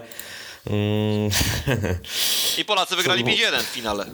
Polacy wygrali 5-1 w finale i myślę, że z tego się jak najbardziej e, trzeba cieszyć, e, ale jeżeli chodzi o atrakcyjność, czyli o to, o co chodzi najbardziej w życiu, no to myślę, że jeżeli w Popradze powiedzieliśmy bardzo dużo na temat e, tego, czy to tak naprawdę wszystko ma wyglądać, jeżeli chodzi o zawody żużlowe i o, ty, o rundy indywidualnych mistrzostw świata juniorów, o indywidualnych mistrzostw świata, przepraszam, to tutaj e, rundę w Teterów można to w to idealnie, pod to idealnie podpiąć, bo e, tor się rozsypywał już od samego początku. Mm, Z nie tego wiem, co, nie- co wiemy, to już dzień wcześniej się rozsypywał. E, Tak, też dzień szybciej rozsypywał, dzień wcześniej rozsypywał, ale e, trening o godzinie 13, a raczej nie trening, tylko kwalifikacje o godzinie 13 w sobotę, które się odbywały tam, e, również e, żużlowcy narzekali. Ja nie, nie oglądałem tych kwalifikacji, bo byłem akurat w drodze do Teterów, ale e, też e, słyszałem i to nie z jednego źródła, że, że ten, z tym torem były już problemy podczas kwalifikacji. Nie wiem na czym to wszystko polega i mogę tylko powiedzieć e, jedno. E, Naprawdę e, stadion w Teterow e, nie urzekł mnie, mm, jeżeli chodzi o widowisko, ale o położenie swoje geograficzne, no, urzekł mnie bardzo, bo przypomina mi się takie, e, to jest takie troszkę mniejsze Auckland moim zdaniem w Nowej Zelandii. A Bo to te- nie, te- nie miałem okazji być, szczerze, szczerze się znaczy ja przyznam. też nie, też nie byłem w Oakland, ale y, dużo zdjęć czy tam du- dużo jakichś filmików widziałem i myślę, że można to porównać do, do, do tego toru w Teterow. Oczywiście ten tor w Oakland jest y, dużo dłuższy, bo tam jest prawie 400 metrów, tutaj jest I niecałe chyba, troszkę, I 320. chyba troszkę węższy, co? Y, Troszkę węższy też, e, ale jeżeli chodzi o położenie, czy też właśnie pośród drzew w lesie, czy, czy, czy te trybuny e, zrobione, że tak powiem, z nasypów, e, no to mi bardzo Oakland przypomina. Być może tylko mi, być może nie, ale... Ale wiesz co, takich tak. torów jest naprawdę więcej, bo nawet jak y, sobie przypomnisz chociażby Grand Prix Wojens, to przecież tam to wszystko wygląda dosyć podobnie. E, Tak, tylko że w Wojens te nasypy nie są tak, y, że tak powiem, ostre i wysokie jak tutaj. E, No Wojens jeszcze w tym sezonie będzie Ruda Grand Prix, ale skupmy się może właśnie na tym, co tutaj e, działo się w sobotę na Bergling Arenie. E, No kurczę, no w końcu można by było powiedzieć. Jeżeli chodzi o zawodnika z numerem 692 na plastronie, czyli jeżeli chodzi o Patryka Dudka, bo tutaj w końcu odpalił, jeździł całe zawody równo, dwukrotnie był tylko drugi, a tak poza tym wszystkie, wszystkie swoje wyścigi zwyciężał dosyć pewnie. Yy, No myślę, że tutaj kamień serca e, też e, członkom jego teamu spadł, bo Patryk jedną rundą Grand Prix wywindował siebie już na ósme miejsce w tabeli i ze stratą tylko punktu do szóstego Roberta Lamberta. Mam nadzieję, że to nie był jednorazowy wyskok ze strony Patryka Dudka. Cieszy mnie też oczywiście drugie miejsce Bartka z Marzlika, no i jego skuteczne, skuteczna ucieczka od goniącego go peletonu w klasyfikacji generalnej cyklu Grand Prix, bo myślę, że Bartek te 18 punktów to z pocałowaniem ręki po tym, co, co zobaczyłem w jego wykonaniu w sobotę, gdzieś też się męczył strasznie. E, Ten wynik może punktowy źle nie wygląda, bo tam było 3-2, 3-0, 2, ale później już biegu, y, biegu żadnego nie wygrał po tych dwóch y, trójkach w trzech pierwszych seriach, że tak powiem. Bartek później się męczył zdecydowanie. E, No w tym i warto powiedzieć, że to w, czwartym, w czwartej serii Bartek notuje pierwsze zero w cyklu Grand Prix od sierpnia 2021, więc to też jakieś niebotyczne w ogóle liczby, jeżeli chodzi o Bartka z Marzlika i jego e, punkta, punktowanie w każdym biegu w cyklu Grand Prix. Myślę, że mimo wszystko jednak te 18 punktów Bartek wziął z pocałowaniem ręki. No i w klasyfikacji generalnej jest już 11 punktów przewagi nad y, Maciejem Janowskim i 12 nad Leonem y, Madsenem. A propos, y, że tak powiem, zastanawialiśmy się i w sumie tutaj ja bardzo stawiałem też na Mikala Mikkelsena y, jeszcze przed Grand Prix w Pradze, a wystarczy powiedzieć, że Mikal Mikkelsen w tym momencie zajmuje dopiero 10 miejsce w, w, w, w, y, cyklu Grand Prix. No całkowicie dwie nieudane rundy, jeżeli chodzi o Mikela Mikkelsena. Yy, Myślę, że tutaj e, tak, Polska 5-1 to na pewno, to na pewno cieszy. I ten Fred, Fred Lindgren, który może nie, nie, niezbyt w jakiś tam e, jakiś sposób, e, który nas by nas porywał i, i styl, który, który, o którym moglibyśmy e, mówić i gadać godzinami, ale sukcesywnie, sukcesywnie te punkty zbiera. E, to był jego drugi finał e, w tym sezonie. E, po raz drugi zdobył, zajął trzecie miejsce. Czwarte miejsce w cyklu Grand Prix ze, ze stratą czterech punktów do trzeciego Madsena i pięciu do Macieja Janowskiego, więc myślę, że tutaj walka o medale e, będzie, mm, myślę, do końca e, emocjonująca. E, oczywiście ja nie chcę nic tutaj mówić, że już rozwieszać złotego medalu na głowie na szyi Bartka z Marzlika, ale boję się, boję się w cudzysłowie dla atrakcyjności cyklu Grand Prix, że to już może być taka bezpieczna przewaga, którą Bartek sobie wy, wypracował po czterech rundach i myślę, że mm, chociaż znając Bartka, on zawsze chce wygrywać, ale myślę, że też z tyłu głowy będzie miał to, żeby jednak mimo wszystko nie stracić e, tych 11 punktów przewagi nad e, Maciejem Janowskim. Ja tylko chcę tutaj zwrócić uwagę na Patryka Dudka, oczej, yy, że w końcu nas posłuchał, yy, tak troszeczkę na niego ponarzekaliśmy sobie w zeszłym tygodniu, że troszeczkę sobie słabo radzi w tym cyklu, podobnie jak Paweł Przedpełski, no Paweł miał przebłysk, zdobył tam jedną trójeczkę, później niestety mm, to wszystko wróciło do tych starych niestety przyzwyczajeń, czyli do tego, że pa Paweł Przedpełski raczej jeździł z tyłu, a jeśli chodzi o Patryka, słuchaj, no ta surowa mama Honorata chyba wpłynęła na to, że gdzieś tam yy, Patryk się w końcu odnalazł, yy, to jest jedna rzecz. Druga rzecz, y, te, tak jak powiedziałeś, że zawodnik właśnie ubi- ubierany, ubierający się na co dzień w barwę Monstera, czyli na zielono w tym cyklu Grand Prix, awansował w klasyfikacji generalnej na ósme miejsce po staremu, powiedzmy miejsce bezpieczne, po nowemu, no troszeczkę punkciku mu do szóstego Roberta Lamberta brakuje, ale to jest też o tyle istotne, no, że niestety Patryk Dudek y, nie poradził sobie z sitem eliminacyjnym, y, jeśli chodzi o walkę o Grand Prix Challenge. No i tam odpadł i teraz jedynie Patryk albo w cyklu będzie musiał zająć y, miejsce top 6, aby się utrzymać, albo próbować swoich szans jeszcze w Mistrzostwach Europy, bo w innym wypadku Patryka w przyszłym sezonie możemy w tym Grand Prix nie ujrzeć, a na pewno nie z takimi ambicjami do tego cyklu powracał, więc tutaj bardzo mocno ściskamy kciuki, fingers crossed, jeśli chodzi o Patryka Dudka, aby tych trzech biało-czerwonych w przyszłym sezonie było, no bo myślę, że Paweł Szedpełski, jego sytuacja w tym cyklu jest na tyle trudna, bo to jest aż 21 punktów do bezpiecznego utrzymania, że będzie mu raczej ciężko. No oczywiście, tak samo Furtka, nie wiem jak tam sytuacja eliminacyjna w y, Mistrzostwach Europy wygląda, Y, możesz mi zaraz, możesz zaraz mnie naprostować, czy tam mm, Paweł Przedpełski będzie miał jakieś szanse na awans, czy nie, y, bo szczerze powiedziawszy nie zweryfikowałem Też tego, zanim musiałbym, się... musiałbym sprawdzić, musiałbym też sprawdzić, jeżeli chodzi o to. Ja, no tutaj tak ta, jak i ja też nie zdążyłem się jakby dzisiaj w tym wszystkim y, od pierwszej chwili odnaleźć. Natomiast y, wracając jeszcze do, do tego cyklu Grand Prix y, i tego tej konkretnej rundy w Teterow, słuchaj, nie wiem czy ty zwróciłeś uwagę, no kurczę, co wyścig, ja tak się zastanawiałem, co tam jest z tym Patrykiem, czy on się w, ka- w każdym wyścigu chwyta gdzieś tam za okolice krocza, no wszystko się wyjaśniło. Tak, wszystko się wyjaśniło szybciej, już też, znaczy też w wywiadzie później, po, po, po tym, po... Tak, tak, w wywiadzie po- na po żywo. Prix. Tak, w wywiadzie na żywo, aczkolwiek tak mi się wydawało, że to chyba chodzi o to. Yy, I tutaj taką ciekawostkę powiedział yy, w studio bodajże chyba Piotrek Protasiewicz o coś, o czym ja na przykład nie wiedziałem, przyznam się szczerze. Może to jest yy, trochę wstyd z mojej strony, ale ja nie wiedziałem, szczerze powiedziawszy, czy zawodnicy na te męską część ciała zakładają ochraniacze. Piotrek Protasiewicz powiedział, że to jest w sumie norma, że y, ochraniacze się na tę część ciała wozi. Do tego był chyba troszeczkę zaskoczony tym, że Patryk się tam aż tak poobijał o, o, o ramę. Y, być może Patryk akurat tych ochraniaczy nie używa. Być może, no tutaj e, szczerze ci powiem, jeżeli chodzi właśnie o te ochraniacze i o to, co mówił Piotr Protasiewicz, e, to w sumie jakoś ja nigdy się nad tym nie zastanawiałem. Ja też to... nie, dlatego to była tam, wiesz, jakaś nowość, jakaś nowa informacja. Tak, tak, tak, tak, tak. I dlatego nie wiem, czy się powinienem wstydzić tego, że nie wiedziałem o tym, czy, czy, czy, czy nie. Nie, no. myślę, że nie, myślę, że nie, bo ja też y, w sumie nie, nie zdawałem sobie z tego sprawy nawet, że, że, czy- że są te ochraniacze na tą męską część ciała e, tutaj stosowane przez zawodników, gdzie, gdzie tak jak powiedział Piotrek, że jest to w zasadzie normą. Popularne balls. Jak powiedział Patryk w trakcie wywiadu. tak, dokładnie, dokładnie, dokładnie.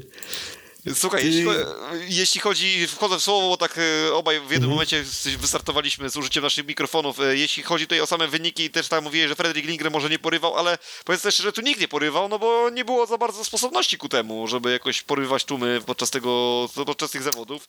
A ogółem ten tor e, to była woda na młyn dla Patryka, bo decydował start i trzymanie konsekwentne krawężnika. Patryk w tych zawodach w ogóle zauważyłem, nie podnosił nogi z haka, co jak na niego to jest chyba dosyć nieczęsty obrazek. E, I też nawet jak sam Bartosz Zmarzik podczas wywiadu stwierdził, że to był tor, e, podczas którego bardziej trzeba było właśnie walczyć z zawierzchnią niż z rywalami, no to jeśli mówi to dwukrotny mistrz świata i lider cyklu Grand Prix, jeśli Patryk Dudek nie podnosi nogi z haka, no to chyba to są wystarczające dowody na to, że taka nawierzchnia nie powinna mieć miejsca, jeśli chodzi o przygotowanie do cyklu Grand Prix. Tak, tutaj nawet nie tylko Patryk, ale też Bartek z Marzik bardzo narzekali na ten tor. To właśnie mówię, E, mówię właśnie o Patryku. Tak, o właśnie, y, tak, tutaj ja w tym momencie tutaj też sprawdzam, y, bo cały czas szperam o tym Pawle Przedpełskim.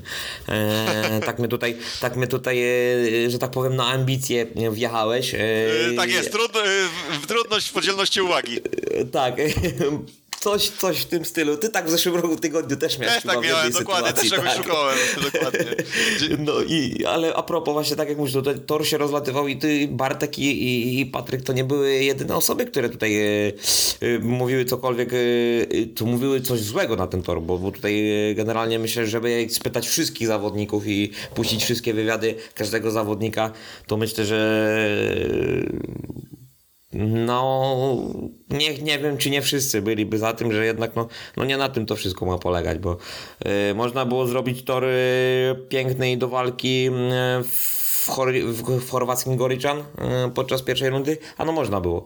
Y, tym bardziej y, mówimy o no, końcu kwietnia, gdzie y, też wydaje mi się ten y, tor jest ciężej zrobić, żeby był on równy i równy dla wszystkich i do walki, niż, niż y, na początku czerwca, tak? To jest jednak miesiąc później.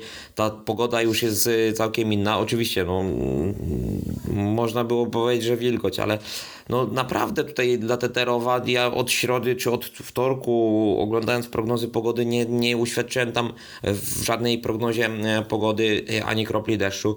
E, No nie wiem, nie wiem, no tutaj nie chciałbym się też pastwić nad przygotowaniem tego toru, bo to, no bo to jest temat rzeka według mnie i być może tutaj Discovery gdzieś popełnia błędy w przygotowaniu torów, no bo i Praga, e, no dobra, no w Pradze oczywiście można powiedzieć, że, że te Grand Prix zazwyczaj, z wyjątkiem kilku rund, y, nie były zbyt y, emocjonujące. No ale tutaj w Teterow y, mimo wszystko liczyłem, że będzie lepiej niż w Pradze, a można powiedzieć, że Praga Teterow to można byłoby to wrzucić do, do, do takiego samego worka, jeżeli chodzi o y, przygotowanie toru i o atrakcyjność tych zawodów. No ale Damian, powiedzmy sobie szczerze, jak mogą być emocjonujące zawody w Pradze, kiedy nie ma tam na tych zawodach Łukasza Drymla? No to... Z, automatu... To tak samo jakby można było powiedzieć e, w, w, w Teterowie, jak nie ma e, Martina Spolińskiego. Martin Spoliński Aczkolwiek- też pewnież... Zwróć Ej, uwagę, że Kębek się całkiem dobrej e, strony prezentował, szkoda tej taśmy przede wszystkim. No właśnie, bo myślę, że gdyby nie ta taśma, to były bardzo, bardzo duże szanse na wejście do, do półfinału nawet. E, bo Kai Huckenbeck, e, jeżeli mnie pamięć nie myli, w rundzie zasadniczej zrobił e, punktów 6, tak, z ośmioma Jack Holder wszedł do, do, do półfinału, ale Kai Huckenbeck chciałbym powiedzieć, że tutaj jechał w biegu z Robertem Lambertem i Andersem Thompsonem. Anders Thompson 5 punktów w całym, w całych, w całych zawodach był słabszy jeszcze niż Kai Huckenbeck, więc ja tutaj myślę, że gdyby nie, te, gdyby nie ta taśma, Kai Huckenbeck mógłby pokusić się na pewno o awans do, do, do półfinału nawet. Ja, po, ja, ja ci powiem nawet troszeczkę więcej. Ja ci powiem nawet troszeczkę więcej. Yy, tam jeszcze był przecież Paweł Przedpełski, który był wykluczony, więc Tak, yy, dokładnie. Wystarczyło pokonać e, Andersa Thompsona, byłaby dwójeczka i ta dwójeczka, czy ona by wystarczyła w tym wypadku do... Ja tu patrzę, ja tu patrzę, bo Yy, y, Jack chyba, Holder... Chyba ciężko by było, bo tam też yy, Jack Holder, oni mieli tak, Jack Holder miał... Yy, trójkę, no, dwójki, jedynkę, nie? I Tak. wszyscy mieli to samo. W, tym wypadku by mieli, gdyby miał tę dwójkę. Kai Tak, i Huckenbeck. teraz y, chodzi o Bezpośrednie bezpośrednie, bo bezpośredni pojedynek, a w bezpośrednim pojedynku e, Kai Huckenbeck Z był Holderem nie, przegrał, z Holderem Przeg- przegrał, tak. Z Holderem na pewno Mm. przegrał i teraz patrzę jeszcze jak z Leonem Macenem, no ale to podejrzewam, że z Leonem Macenem również był, y, słabszy od Leona. y, Tak, w biegu jest. 17 jechał No, czyli, tu- czyli tu tutaj było musiałby ostatnio. się po prostu poradzić sobie z Robertem Lambertem, co z tego dnia wcale takie proste nie było, szczególnie w tej takiej środkowej fazie zawodów, więc, więc tutaj faktycznie mógłby być y, problem z tymi punktami. Natomiast i tak myślę, że y, tego niemieckiego zawodnika trzeba tutaj pozytywnie roz, tutaj ocenić. Y, Do tego dorzućmy, że dzięki tej taśmie w jakimś sensie miał szansę Norik Bledern pojawić się na placu boju, którego tak w zeszłym tygodniu tutaj oczekiwałeś. Y, Tak, i punkt z urzędu zdobył, więc tak więc, no średnia 1-0, jak na... lepsza średnia niż, słuchaj, Maxa Frika, Pawła Przedpolskiego w tym turnieju, Mikala czy Mikkelsena. Mikala Mikkelsena, dokładnie, dokładnie. I taka sama jak Anderson, czy tej Jak- jak... Doyle i Martin Wasulik. Y, Tak, zgadza się, zgadza się. Tak oczywiście Jeżeli- ża- pół serio, ale, ale faktycznie, no, średnio zachowana. Ale powiem Ci też, że jeśli chodzi o cykl Grand Prix, to okej, tak, yy, mówisz, że trochę szkoda, że, tego, że ten Bartek Smartik uciekł do przodu i tam faktycznie emocje zaraz mogą być zabite, jeśli chodzi o walkę o tytuł, szczególnie, że następna runda w Gorzowie, gdzie Bartek może tę przewagę tylko jeszcze powiększyć. No ale u, tutaj chcę ci przerwać, to jest też jeden z ulubionych torów y, Patryka Dudka. E, No tak, tylko akurat jeśli spojrzymy na Patryka Dudka, no to ma stratę 27 punktów i tu ciężko akurat tutaj Tak, tak. głównego rywala do tytułu mistrzowskiego właśnie w Patryku. Natomiast yy, tutaj no, oczywiście Maciej Janowski, myślę, że czy Leon Macen w Gorzowie też będą w stanie jak najbardziej yy, powalczyć yy, na tym torze. Taj Finden też przecież w przeszłości fajne zawody tam rozgrywał, ale taj to jest 19 punktów straty do Bartka, to jest spora strata jak na tak utytułowanego i tak, tak dobrego zawodnika w takiej kapitalnej dyspozycji jak Bartek Smartik, to ciężko będzie, żeby on aż tyle punktów yy, przewagi stracił. Yy, no ale zobaczymy, różnie w żużlu bywało. Natomiast chcę powiedzieć, że dużo większe emocje tu się właśnie szykują w walce o utrzymanie w cyklu, bo jeśli spojrzymy na to, że między 12 Danielem Biulejem a 6 Robertem Lambertem jest, są tylko 4 punkty różnicy, no to w tym wypadku jeszcze Anders Thompson też tylko 3 punkty za Biulejem, Jack Holder no to już troszeczkę więcej, ale to też jest tylko... Też nie jest aż tak strasznie dużo, te 10 punktów do, do miejsca premiowanego utrzymaniem. Tak, szczególnie mówię, mając na myśli obecną klasyfikację i punktację w cyklu, nie?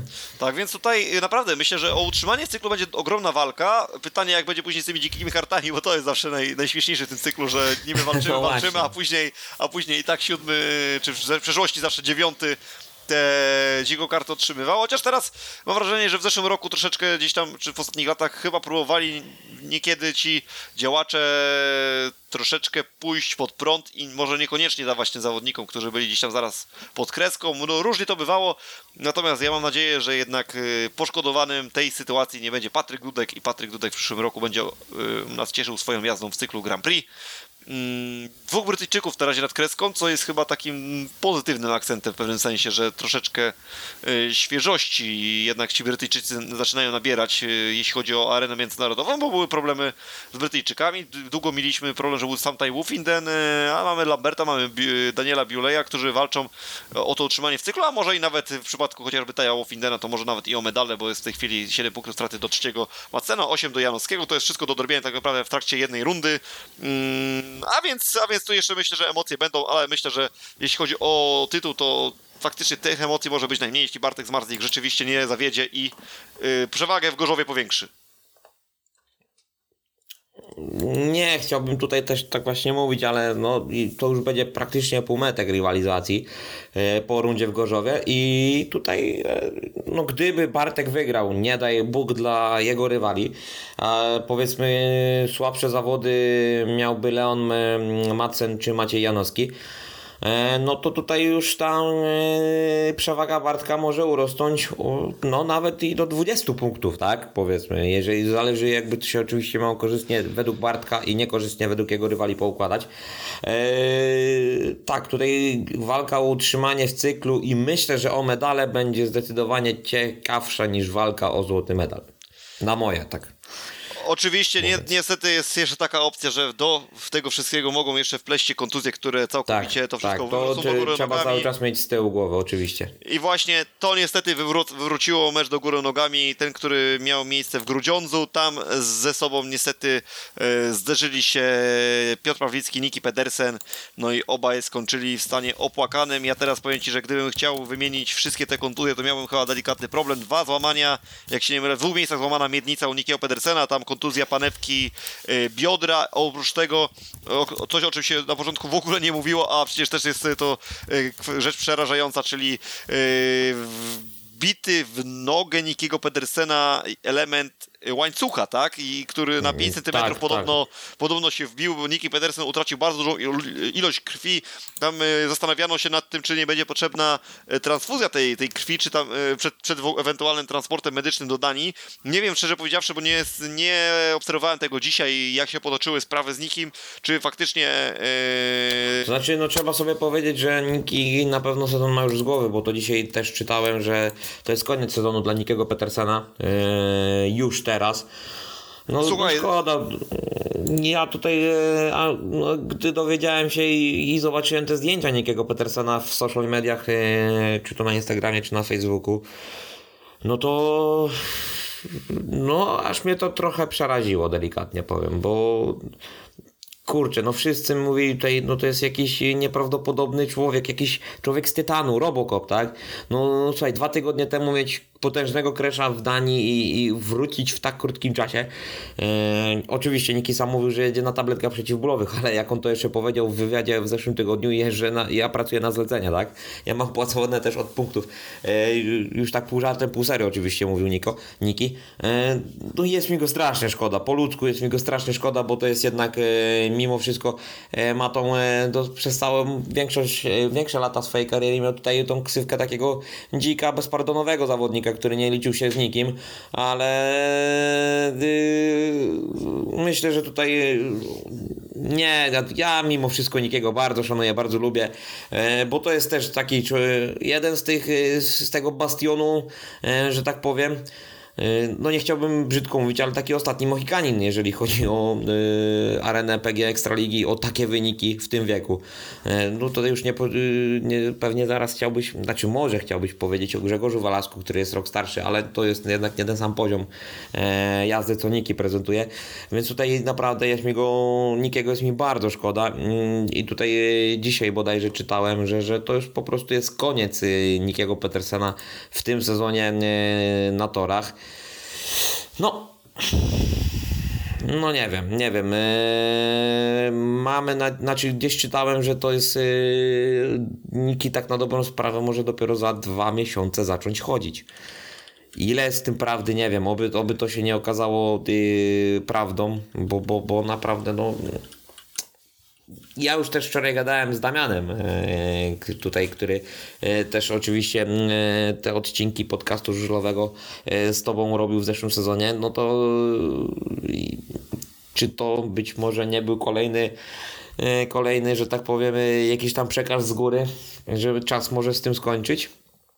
Eee, No bo to już nie jest pierwszy, pierwszy jego wypadek. Pamiętajmy też ten rok 2000, bodajże 18 albo 17, 17 lub 18, już teraz dokładnie nie pamiętam. I, uszkodzenie e, kręgosłupa e, po wypadku w Danii. Więc to, to no, no szkoda, szkoda, naprawdę szkoda mi tego Nikiego Petersena. No, Trzeba trzymać kciuki, e, oby przepowiednia i, te, i to, co mówią lekarze, się nie sprawdziło, że być może Niki szybciej wróci na tor. E, no, zobaczymy. Jeśli chodzi, słuchaj, o Nikiego Pedersena, to jest taka sprawa, że on sam w wywiadzie określił, że czekają go 4 do 6 miesięcy, z tego co się nie mylę, jeśli dobrze pamiętam Tak, ten, tak, ten tak. wywiad, chodzenia o kulach, więc o jakim my tu w ogóle jeżdżeniu na żużlu mówimy? No okej, ja No sobie zdaję Jason sprawę, Doyle, że Jason nie? Doyle tak, z, w okulach Farku Maszyn jechał, no ale też szanujmy się, tam była kwestia nogi, a nie, nie miednicy i biodra, to są jednak troszeczkę zupełnie inne urazy i myślę, że ten urazy, które w tej chwili ma Niki Pedersen, no to jednak y, z żużla całkowicie dyskwalifikują. Y, Ja nie wiem, powiedziawszy szczerze, bo właśnie ja dążyłem do tego, że nie wiem, jak się to dzisiaj te, te losy dalej jego potoczyły, bo szczerze powiem, że dzisiaj byłem cały dzień zabiegany. To znaczy ja też y, czytałem, że Niki dostał zgodę na transport, ale był jeden problem, e, jeżeli chodzi o, o, transport Nikiego Pedersena, bo Niki Pedersen od początku powiedział, że on będzie dążył do tego, żeby operację e, tej nogi e, czy tej miednicy e, przejść u siebie w kraju. Problem Nikiego Pedersena polega też na tym, że, że pozytywne wyniki badania krwi to, to na pewno jest ok, ale pojawił się inny problem, bo o zgrozo, Niki Pedersen męczy się z firmą ubezpieczeniową z Anglii, powiedział z rozmowie e, z Extra Bladed e, zawodnik z Olecz GKM-u, więc tutaj nie tylko kwestie zdrowotne mają wpływ na to, że Niki Pedersen nie może swobodnie polecieć do Danii. No. No to po prostu to, to tutaj trochę powinno się jednak zachować tym wszystkim człowieczeństwa i dać człowiekowi przede wszystkim się leczyć, ale y, tak trochę tutaj masło maślane z tym człowiekiem. Natomiast y, ja też chcę tylko powiedzieć tak trochę odnieść się do twoich słów, y, kiedy tutaj wspominałeś o tym, że, to, że dzik, że bez pardonu wchodził w rywali i tak dalej, i tak dalej. Ja tutaj sobie pozwolę też y, powiedzieć, że jednak Niki to jest jednak gościu szczery i jak to kiedyś y, powiedział y, Adam Skórnicki, pracując z nim w Falubazie, zresztą tutaj przytoczę nawet y, artykuł, który moje, nawet mojego autorstwa, który kiedy, kiedyś gdzieś tam miałem okazję napisać dla przeglądu sportowego. Szukam tego, tego, tego zdania. Mm, I nawet, nawet słuchaj, coś, coś, coś takiego to było, yy, taki, taki cytat. Kiedy straciliśmy Nikiego Pedersena, ktoś zauważył nawet, że za spokojnie mamy w parkingu. On na pewno nam w parkingu nie przeszkadzał. Wprowadzał atmosferę, która nas trzymała na obrotach. Niektórzy to lubią, a niektórzy tego nie tolerują. Skomentował indywidualny mistrz Polski 2008 roku, ale ja szukam jeszcze troszeczkę innego cytatu.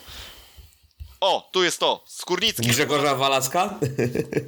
Co o Grzegorza Nikim Walaska? Pedersenie? Nie, nie, nie, nie. Cały czas, cały czas Adam Skórnicki. To cały czas ten sam Okej, okej, okej. Skórnicki okej. ponadto zaznacza, że ekspresja, z jaką Pedersen potrafił wyrażać swoje emocje, też miała swoje pozytywne oblicze.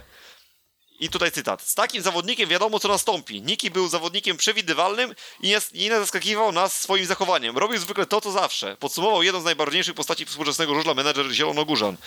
I o to mi chodziło, że generalnie każdy wiedział, co się po tym Niki spodziewać, że on, nie wiem, że on się obrazi w którymś momencie, że nie wiem, że on rzuci kaskiem, że nie wiem, on y, wyzywa swojego mechanika. Każdy wiedział, że każdy wiedział, że w jakich sytuacjach to, to jest y, z nim możliwe, więc pod tym względem Niki mimo tego właśnie swojego temperamentu, tego, że był faktycznie, tak jak wspominałeś, tym dzikiem, yy, no przez Grzegorza Walaska było to troszeczkę inaczej, tak jak wspominasz w słynnym wywiadzie kom- komentowane. Ja tak yy, Nikiego Pedersena opisywać na pewno nie będę.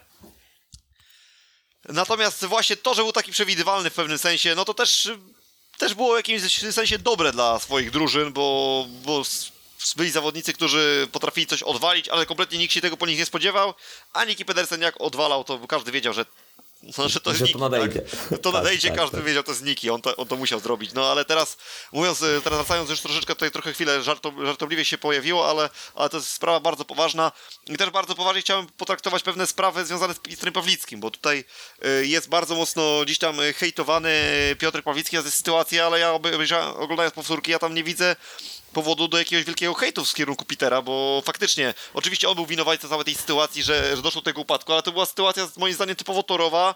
Ja to nie widziałem żadnej złośliwości, ja to nie widziałem jakiegoś przesadnego wywożenia tego Nikiego. No, no oczywiście poszerzył e, Piotr Pawlicki troszeczkę ten tor jazdy, ale to nie było naprawdę moim zdaniem nic takiego kurczę nadzwyczajnego, żebyśmy, ja uważam, że gdyby to nie był Piotr Pawlicki, tylko byśmy tam e, posadzili, nie wiem, na tym e, motorze Janusza Kołodzieja, no to nikt nawet słowem nie pisnął, że to była jakaś, wiesz, jakaś Tak, no- bandycka jazda. Tak, tutaj Piotr Pawlicki, no e, przylgnęła do niego ta łatka i nie tylko żużlowego Neymara, ale także już e, w tym sezonie zawodnika, który nie Jacka szanuje kości rywali. E, Tak, żużlowego Jacka Góralskiego, dokładnie, dokładnie, ale jeżeli chodzi o tą sytuację, to tutaj e, też bronię Piotra Pawlickiego, bo tutaj nie zrobił e, w zasadzie w zasadzie nic, e, nic co, co co można by było po, po, yy, co można by było podtoczyć pod słowa, że, że było to uczynione z jakąś tam e, premedytacją. E, tak jak chociażby w przypadku Patryka Dudka e, i jego wywożenia e, pod bandę. No tam to oczywiście, to zupełnie inna sytuacja. tak. I czy z Oliverem Berconem też, ale tutaj e, zdecydowanie nie. To jest sytuacja typowo torowa. E, generalnie nikt tutaj największym e, problemem było to, że hakni Piotra Pawlickiego e, w, w koło Nikiego Pedersena uderzył i tylko o to chodzi. Tutaj nie było żadnego e, kontaktu między nimi, jeżeli chodzi ciało w ciało, czy bark w bark gdzieś. To po prostu sytuacja, no, no, no kurczę, nies- nieszczęśliwy splot wydarzeń, że tak powiem.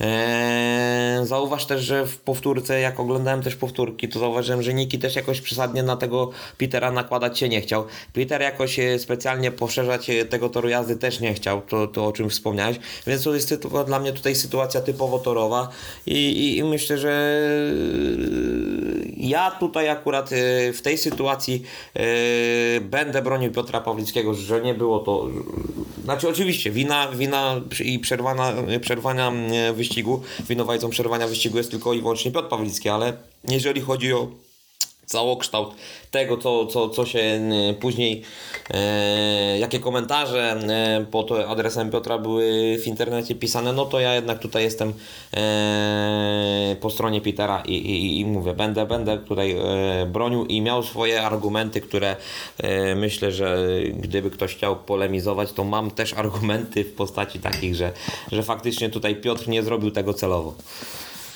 Słuchaj, bet, y, tak mówiliśmy tutaj, jak nam szkoda Nikiego Pedersena i jego zdrowia, no ale też trzeba powiedzieć, że z Piotrem Pawlickim też wcale najlepiej nie jest, bo jak ja przeczytałem o dwóch złamanych łopatkach, to wiesz co próbowałem... Tak, aczkolwiek, no y, y, dobra, dobra, y, okej, ja zaraz, zaraz y, też coś Ci powiem, bo nie wiem, czy tutaj dzisiaj czytałeś, czy nie czytałeś, ale jednak jest jakieś światełko w tunelu, jeżeli chodzi o Piotra Pawlickiego, że, ta, że ten rozbrat z motocyklem to nie może, nie musi być od 6 do 8 tygodni, tylko może być to już y, po, y, po 4 tygodniach Peter Pawlicki będzie mógł y, wrócić do, do, To do ile, to, ścigania. ile to kolejek ligowych po drodze minie? Zaraz... Jeżeli chodzi o cztery, jeżeli mówimy o czterech tygodniach, Tak, mówię o tym optymistycznym y, wariancie. o, tak, o, już- o, o tym, dobra, no to Ja już też liczymy. odpaliłem, ja już też od, odpaliłem sobie tutaj, wiesz, yy, ojej, to i tak jest, powiem ci, cztery kolejki mu miną. Cztery kolejki, tak, ale cztery kolejki, podczas którego Leszno ma na wyjeździe Ostrów, e, Leszno ma u siebie Lublin, no to tutaj akurat Peter Pawlicki będzie, byłby na pewno potrzebny. E, aczkolwiek no tutaj za Petera będzie można mm, tak, stosować zastępstwo zawodnika, więc myślę, że i w obecnej formie Petera to Janusz Kołodziej, e, no ale kurczę, czy Jace, no właśnie, bo, bo No ale, może ale jeżeli... co dalej, nie? No właśnie, pogadajmy może też o tym, co, co, co, co było też na, na, na, na torze się działo w Grudziądzu. Eee, już e, abstrahując i w sumie odchodząc od tematu, mm, od tematów tych, e, tych mniej e, przyjemnych, e, no to tak, tutaj e, jeżeli chodzi o Fogołunię Leszno, no to no, Jason Doy, pamiętasz jak mówiliśmy po meczu z, w Toruniu? I, przepraszam, nie z Toruniu, tylko y, po meczu z Toruniem w Lesznie, że to prawdopodobnie był wypadek Jasona Doyla przy pracy, gdzie tam bodajże 4 punkty zrobił. I szczególnie ja tak mówiłem. Y, No to tutaj Jason Doyle po pierwszej, po pierwszej trójce, później w swoich czterech kolejnych biegach robi tylko trzy punkty i to już jest taki drugi słabszy mecz Jasona Doyla. No Janusz Kołodziej tutaj nie ma się do czego przyczepić, ale, ale no zdziesiątkowano ta Unia Leszno i, i, i, i mimo wszystko mimo wszystko jakiś y, swego rodzaju y, niespodzianka y, w tej kolejce Speedu Ekstraligi nam się, nam się trafiła. Znaczy zależy z czyjej perspektywy, bo patrząc z twojej perspektywy, no to ty tutaj obstawiałeś 4-5-4-5, więc jeszcze nie aż taka duża niespodzianka. Ja obstawiałem wygraną Leszna, więc ja to w ogóle mogę być zaskoczony tym, tym rezultatem, tym rozstrzygnięciem, yy, więc tutaj faktycznie faktycznie i- zaskoczyli mnie zawodnicy GKM-u, szczególnie chyba Frederik Jakobsen, że tak naprawdę tutaj 10 plus 2 ze strony Fredki Jakobsena, no to w życiu bym się nie spodziewał w pięciu biegach. Mm, Norbert Krakowek też bardzo ładny występ. No to każdy zaprezentował dobry występ tak naprawdę z seniorów. No juniorzy też dorzucili 7 punktów. Fatalnie, po, fatalnie pojechali juniorzy z kolei Fogą Leszno. Ten Jason Doyle, no nie ukrywam, że tutaj mam przez chwilę się zastanawiałem nad nim, mam taką delikatną, powiem że tak powiem, rozkminę, czy tutaj wybrać Jasona Doyla do swojego składu w PG Menadżerze, Menadżerze, czy zostawić Chrisa Holdera, bo no bo Jason Doyle jest takim łakomem kąskim pod kątem taki, że będzie teraz 6 biegów na pewno jeździł, z kolei Chris Holder mnie ani razu jeszcze do tej pory nie zawiódł, więc No właśnie i teraz pytanie co? Pytanie co wybrać? no ale Doyle, ale tak sobie mówię, no kurczę, Doyle musi w którymś momencie zacząć jeździć, no kiedy, kiedy, jak nie teraz, kiedy nie ma Piotra Pawlickiego i będzie miał 6 biegów, no. No tak, no być może, być może to się właśnie teraz stanie. No to już ja ci tutaj nie pomogę, bo, bo moje punkty są tak samo ważne, jeżeli chodzi o klasyfikację jak twoje. Oj, tam E, jedna, a- jedną pozycję, jak stracisz, nic ci się nie stanie. Ja tak, zgadza się, zgadza się. Tutaj oczywiście pół żartem, pół serio to mówię, ale yy, jeżeli chodzi o me menedżera Ekstraligi, to sam powiem ci szczerze, będę musiał do tego przysiąść, bo yy, no też mam mały mętlik w głowie, ale to już może na, na, na osobną y, czy na następną y, naszą relację e, tutaj e, na żużlu, z żużlem po oczach. Y, Wróćmy może jeszcze do tego meczu, Wiktorze, tutaj, bo, bo y, myślę, że tutaj chciałbym powiedzieć, że czterech seniorów GKM Grudziądz pojechało w tym meczu jak jeden Niki Pedersen praktycznie. Każdy, każdy w sumie zastąpił Nikiego Pedersena w 100%. E, No Piotr Pawlicki, nie, Przemek Pawlicki, przepraszam, y, 11 punktów z dwoma bonusami w 6 biegach. Krzysztof Kaszczek w ogóle 12 punktów z dwoma bonusami e, też w 6 biegach. Fredrik Jakobsen y, 10 punktów z dwoma A bonusami. widziałeś w jak dzisiaj się biegach. kapitalnie Krzysztof Kasprzak w lidze szwedzkiej zaprezentował? E, tak, widziałem, widziałem. Właśnie e, nie, nie, nie chcę tutaj jakoś się, się specjalnie podniecać, czy, czy mówić o Krzysztofie Kaszczaku, ale jednak to e, no, ten e, e, mecz GKM-u Grudziądz pokazał, że mimo wszystko mm, oni walczą, oni ca- no i to jest myślę taki najgorszy wynik chyba e, i wobec tej absencji Nikiego Pedersena, to tutaj być może szansa jakaś dla Ostrowa jeszcze by się pojawiła. A, a tu kolejne dwa punkty, to już jest 6 punktów w tabeli. Ostrów wiadomo, tych punktów y, nie ma w ogóle.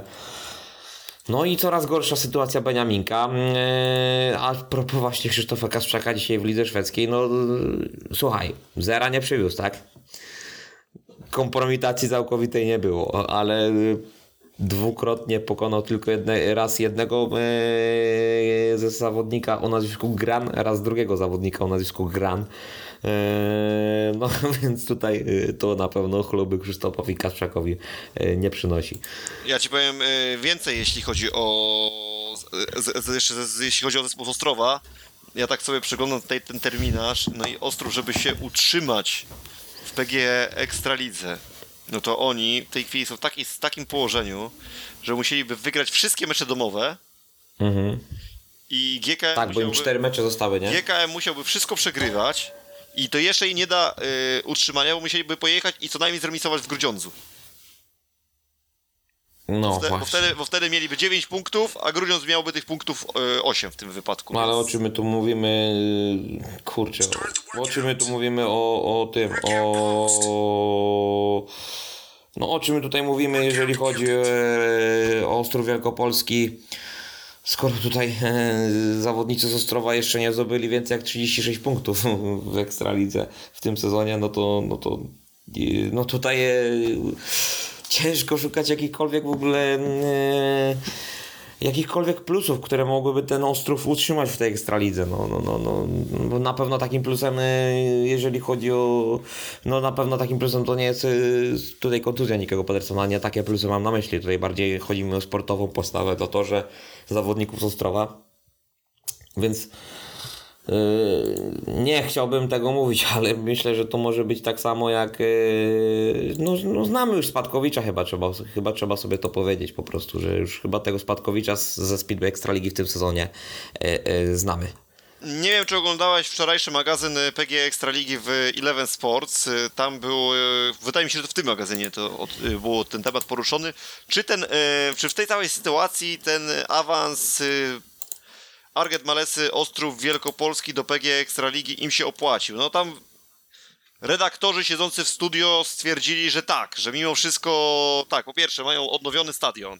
Mm, Mają jakieś pieniążki z tytułu praw telewizyjnych, mają jakieś dodatkowe przychody, czy z miasta, czy z, z, ze sponsorów. Y, Wiadomo, y, pełniejszy obiekt, jeśli chodzi o, o, o mecze ligowe. Być może mogli sobie pozwolić na nieco wyższe ceny biletów. Oczywiście, musieli troszeczkę większe y, kwoty wydać na zawodników, natomiast z drugiej strony, patrząc na to, jak, na ile się zmienił ten skład w stosunku do tego, co było w zeszłym roku, no to można stwierdzić, że te e, proporcje, jeśli chodzi o wzrost zarobków e, związanych z jazdą w PG Ekstralidze, był dużo korzystniejszy niż ten wzrost w stosunku do tego wzrostu kosztów, jakie musieli wydać na, na zawodników. E, Być może faktycznie jest tak, że, że tej ostro, drużynie Ostrowa się to opłaci i być może to pozwoli im w przyszłym roku znowu awansować z powrotem do PG Ekstraligi z e, zaplecza e, tej najlepszej, czy tam samozwańczo mówiąc, najlepszej ligi świata. Yy, jeśli, jeśli by się to im udało, no to wtedy być może mogliby znowu namieszać na rynku. Ja ci powiem, ja się zastanawiam, co będzie miał do zrobienia w przyszłym sezonie ten yy, biedny Beniaminek, jeśli odpadli zawodnicy rosyjscy. To wszyscy się No będą właśnie. bili o zawodników. Jeśli się okazuje, że kolejnych iluś juniorów odpada z, z pozycji U21, no to w tym momencie tam be, może być, mogą być takie ceny na tym rynku transferowym. Jeśli drużyna awansująca z pierwszej ligi, ona wiesz, dojdzie do tej walki na rynku transferowym jako ostatnia, dostaną jej ostatnie ochłapy i to sobie, w cudzysłowie oczywiście brzydko, mówię, jeśli chodzi o zawodniku, no, mam nadzieję, że się nigdzie nie, nie obrazi za to może brzydkie sformułowanie, Mm, no natomiast naprawdę zostaną z tym, co, co najgorsze I, to, i tutaj będzie jeszcze ciężej niż w tym roku. Pojawił się fajny pomysł, ja go w 100% akceptuję, Yy, tam było wczoraj yy, bardzo mocne przesłanie, bardzo mocna prośba do yy, działaczy, aby przypadkiem w przyszłym roku nie było KSM-u. O, o to apelowali wszyscy wczoraj w studio właśnie yy, tego wczorajszego magazynu na czele z panem redaktorem yy, ojej, na końcu języka. Nie, Właśnie nie. Główny, yy, g- najprostszy, no Michałem. Korościelem, oczywiście, z panem Michałem Korościelem na czele. Yy, Kurczę, najprostsze nazwisko, jakie mogłem, jakie mogłem sobie teraz zapomnieć. To już chyba albo jakiś Alzheimer, albo coś w tym stylu, bardzo mi przykro. Natomiast też się zgadzam, nie KSM, a faktycznie 10 drużyn w ekstralidze, bo zobacz, wtedy faktycznie byśmy Tak, mieli... tak, tak, To tak. chyba, to, tego nie wiem, czy akurat Jacek Gajewski gdzieś w swoim felietonie nie poruszył, nie chcę już mówić, bo już nie pamiętam z którego źródła, która informacja pochodzi, natomiast też, też czytałem właśnie i to zgadzam się z tym, 10 drużyn w Ekstralidze spowodowałoby to, okej, byłby dużo większy rozstrzał między motorem Lublin, dajmy na to, a nie wiem, y, awansującym, strzelmy z zespołem Wilków Krosno, ale za to byłaby ciekawa walka o, w tej czołówce o mistrzostwo i byłaby wtedy ciekawa walka o utrzymanie, bo kilka zespołów walczyło o to utrzymanie. I Tak, zdecydowanie. Ja tutaj też jestem zwolennikiem powiększenia Ekstraligi do 10. Jeżeli do 10 drużyn, jeżeli są drużyny, które e, budżetowo są tutaj zapięte na, na to, żeby rywalizować w Ekstralidze, to jak najbardziej e, to jak najbardziej czemu nie? Na pewno nie KSM e, i nie po tym sezonie i, i nie na przyszły sezon dla Beniaminka, bo, bo tutaj no, kurczę, no, no ale to mi, już ile- jest ciężka sytuacja. To Ile razy jeszcze musi się sytuacja. ten KSM pojawić, żebyśmy my. Żeby udowodnić to już dobitnie, ostatecznie, że to nie jest rozwiązanie. Nie wiem, według być może według rządzących e, Ekstraligą e, takie zmiany są może potrzebne. No może oni szukają e, sensacji nowych, jak taki pewien znany dziennikarz, który już nie, nie na sportowych faktach, ale na Interi pisze niezbyt mądre e, tutaj swoje felietony i swoje wypociny. Być może takim samym, e, e, taką samą ideą w życiu kierują się e, ci wszyscy panowie zarządzający e, Speedway Ekstraligą, no bo dla mnie KSM to jest również e, totalna pomyłka. E, Były, były sezony z KSM-em i, i czy to jakoś w jakiś sposób wyrównało nam tą ligę? No nie wydaje mi się, żeby to Być wyrównało może jakiś tam sposób wyrównało, natomiast chodzi mi o to zawsze, że markujemy się jako najlepsza liga świata, a my Tak, chcemy sobie ją dokładnie. osłabiać. No to dokąd my chcemy zmierzać w tym wypadku? No rozumiem, wyrównanie jej. No to ja mówię, lepiej byłoby zrobić tak, tak, tak jak ja sugeruję. Zwróćmy nawet na ligi piłkarskie. Czy wszy- wszystkie ligi piłkarskie są nie wiadomo jakie wyrównane? No spójrzmy na Bundesligę. Masz Bayern Monachium, który jest e, topem powiedzmy w Europie i, i w Champions League są jedną z czołowych drużyn. Jest tam powiedzmy Borussia Dortmund, a na drugim e, biegunie masz e, powiedzmy walczące o utrzymanie Hertę Berlin, VfB Stuttgart czy tam e, Arminię Bielefeld. Czy te Arminia Bielefeld, jak zestawisz ją z Bayernem Monachium, czy to są drużyny porównywalne? No nie, no nie są, zupełnie inne. No nie, no w życiu i to tak samo jest w lidze angielskiej czy, czy w każdej innej piłkarskiej lidze świata, tak? No oczywiście, Eee, w każdym sporcie takie, że są z każdej lidze masz zespoły lepsze z topu, które będą wygrywać i są te drużyny z dołu, które będą no niestety przegrywać. No taka jest kolej rzecz, taki jest sport, taka jest y, siła y, lig sportowych. No i tego, tego musimy się przyzwyczaić i lepiej zróbmy taką sytuację, żeby nie było wyrównanych siedmiu zespołów y, w lidze, tylko zróbmy żeby było ich 10 i niech będzie 6 mocnych, 4 słabsze i, i, i wtedy będziemy, będziemy mieli też ciekawą ligę, bo będziemy mieli, kurczę, walkę do ostatniej kolejki o No mistrzostwo, i powiem Ci szczerze, że nawet wtedy dokładnie i wtedy przy 10 y, drużynach można byłoby zrobić y, sześcioosobowe, sześciodrużynowe playoffy, tak? Siódma, ósma, dziewiąta, dziesiąta drużyna, jeżeli by miałby być zachowany ten model, o którym ty mówisz, tutaj sześć lepszych, cztery słabsze, ale to też nie zawsze się musi tak ułożyć, że, że któraś z tych słabszych drużyn będzie gorsza od tej lepszej, z tej szóstki, Oczywiście, tak? że tak, oczywiście, że tak. E, Więc, e, więc tutaj e, ja też jestem zwolennikiem powiększenia zespołu Ekstraligi do 10. Zresztą ostatni raz w sezonie 2013 mieliśmy e, bodajże tak, w 2013 roku ostatni raz była Ekstraliga, która składała się z 10 e, z 10 e, tutaj klubów. No i naj, najsłabsza Lech ma start Gniezno wtedy. Mimo wszystko, ale 8 punktów jednak zrobiła, tak? Zdobyła w sezonie. E, ale tutaj e, nie było takiego e, outsidera jak, jak w tym roku od Ostrowia Ostrów Wielkopolski, czy, czy być może dwa lata temu Rof Rybnik. Przepraszam, nie dwa lata temu, tylko trzy lata temu Rof Rybnik. No nie, no, no, no, ja tutaj oczywiście, jeżeli chodzi o KSM, nie, nie, nie, nie, to, to na pewno nie. Jeżeli chodzi o 10-osobową e, Speedu Ekstraligę, e, jak najbardziej tak, jak najbardziej tak.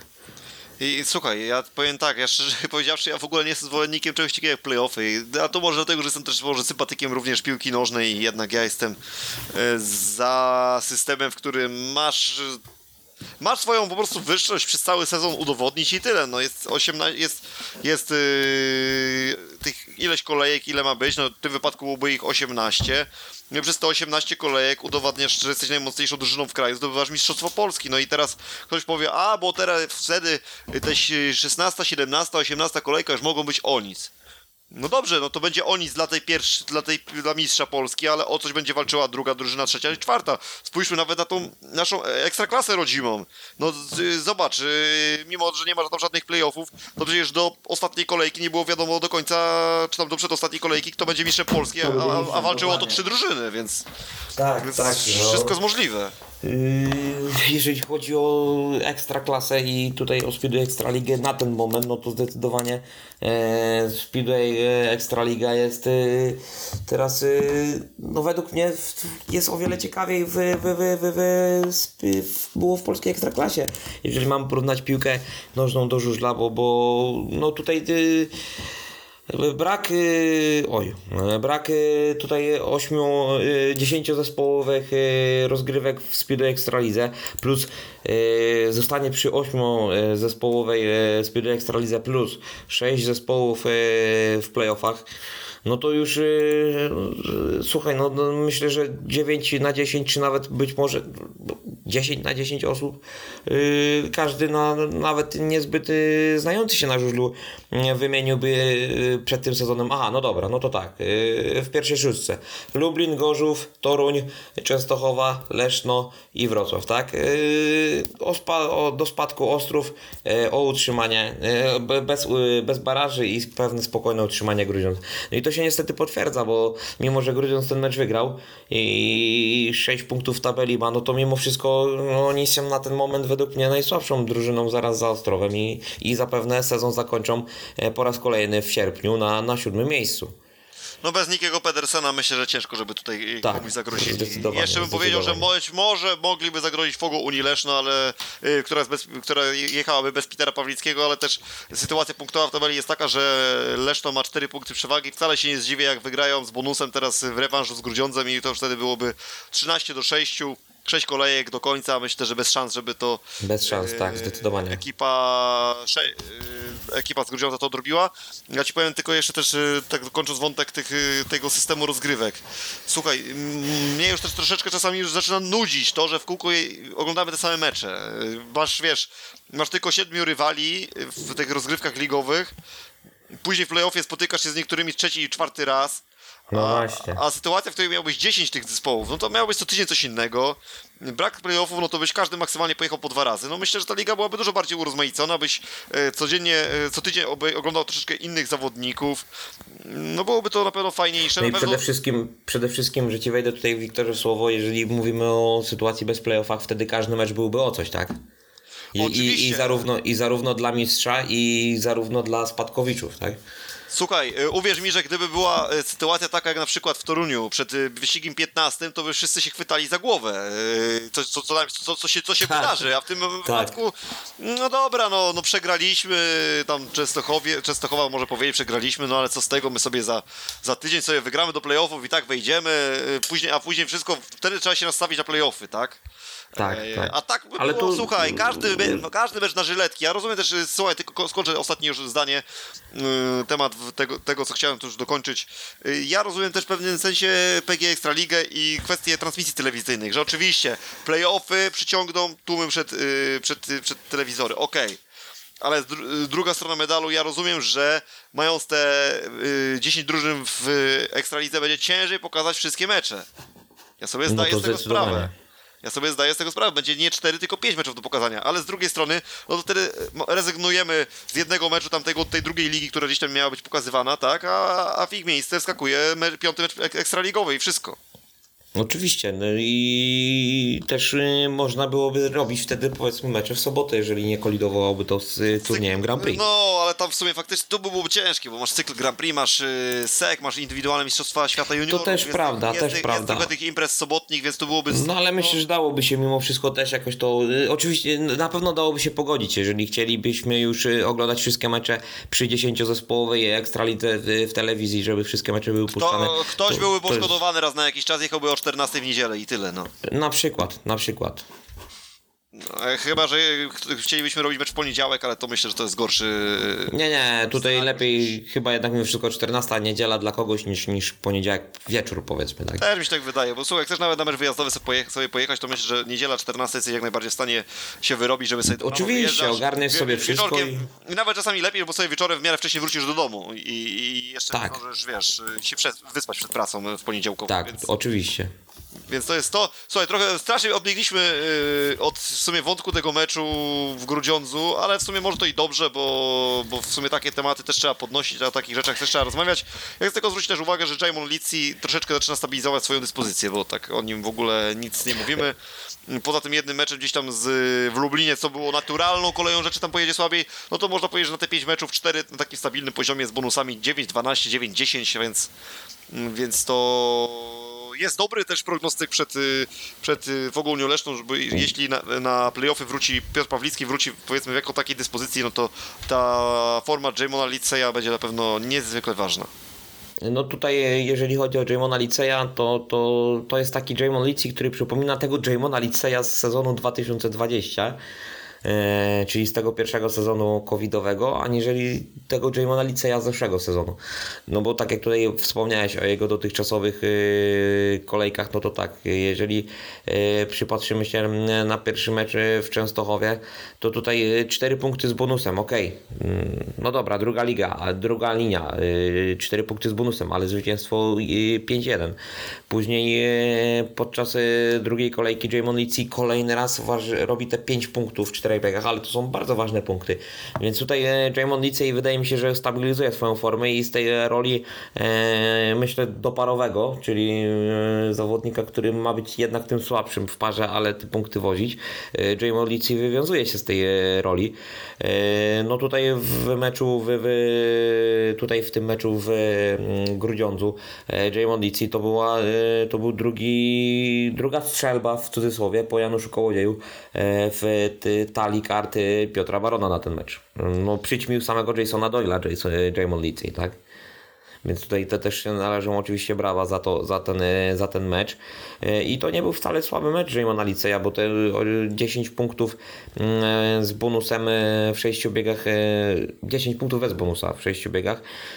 No ale mimo wszystko, no, no, no, zawodnik drugoli, drugoliniowy, że tak powiem, robi 4 punkty więcej niż zawodnik, który miał być, miał być tą pierwszą linią, miał być tym liderem w tym, w tym, w tym zespole.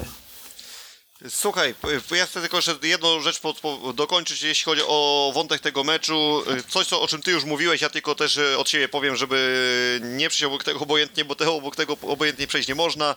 Janusz Kołodziej jest po prostu kapitalny na wieki wieków amen. Tak tutaj to podsumujmy, jeśli chodzi o to, co tutaj robi Janek Kołodziej. To w ogóle jego najlepszy sezon ever, jeśli chodzi o PG Ekstraligę. No nigdy jeszcze aż tak wysokiej średniej biegopunktowej Nie miał, się. nie miał.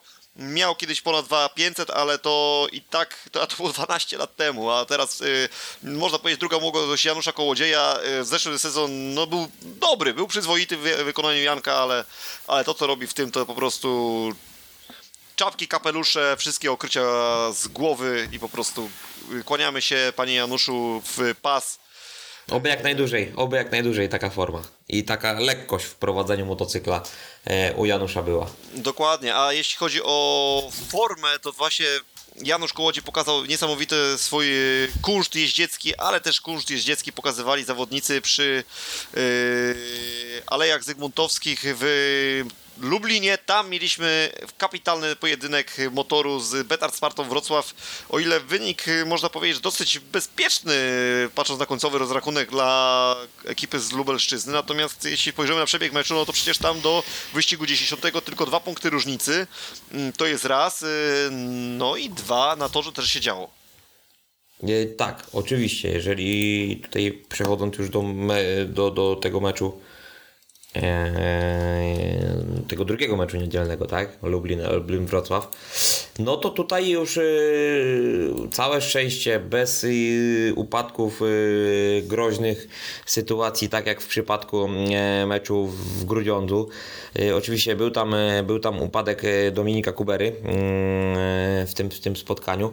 No ale Wiktorze, skoro mówimy tutaj, że Janusz Kołodziej na wieki wieków, to myślę, że jest jeszcze taki jeden kozak w, tym, na, w tej kolejce, który i Janusza Kołodzieja i myślę Bartka Zmarzlika przyćmił zdecydowanie, a mianowicie jest to Mikkel Mikkelsen i jego reaktywacja i, i jego, że tak powiem, zmiana dyspozycji o 100%, bo z e, ostatniego miejsca w turnieju Grand Prix w sobotę w niemieckim Teterowie do po komplet punktów przy Alejach Zygmuntowskich w niedzielę.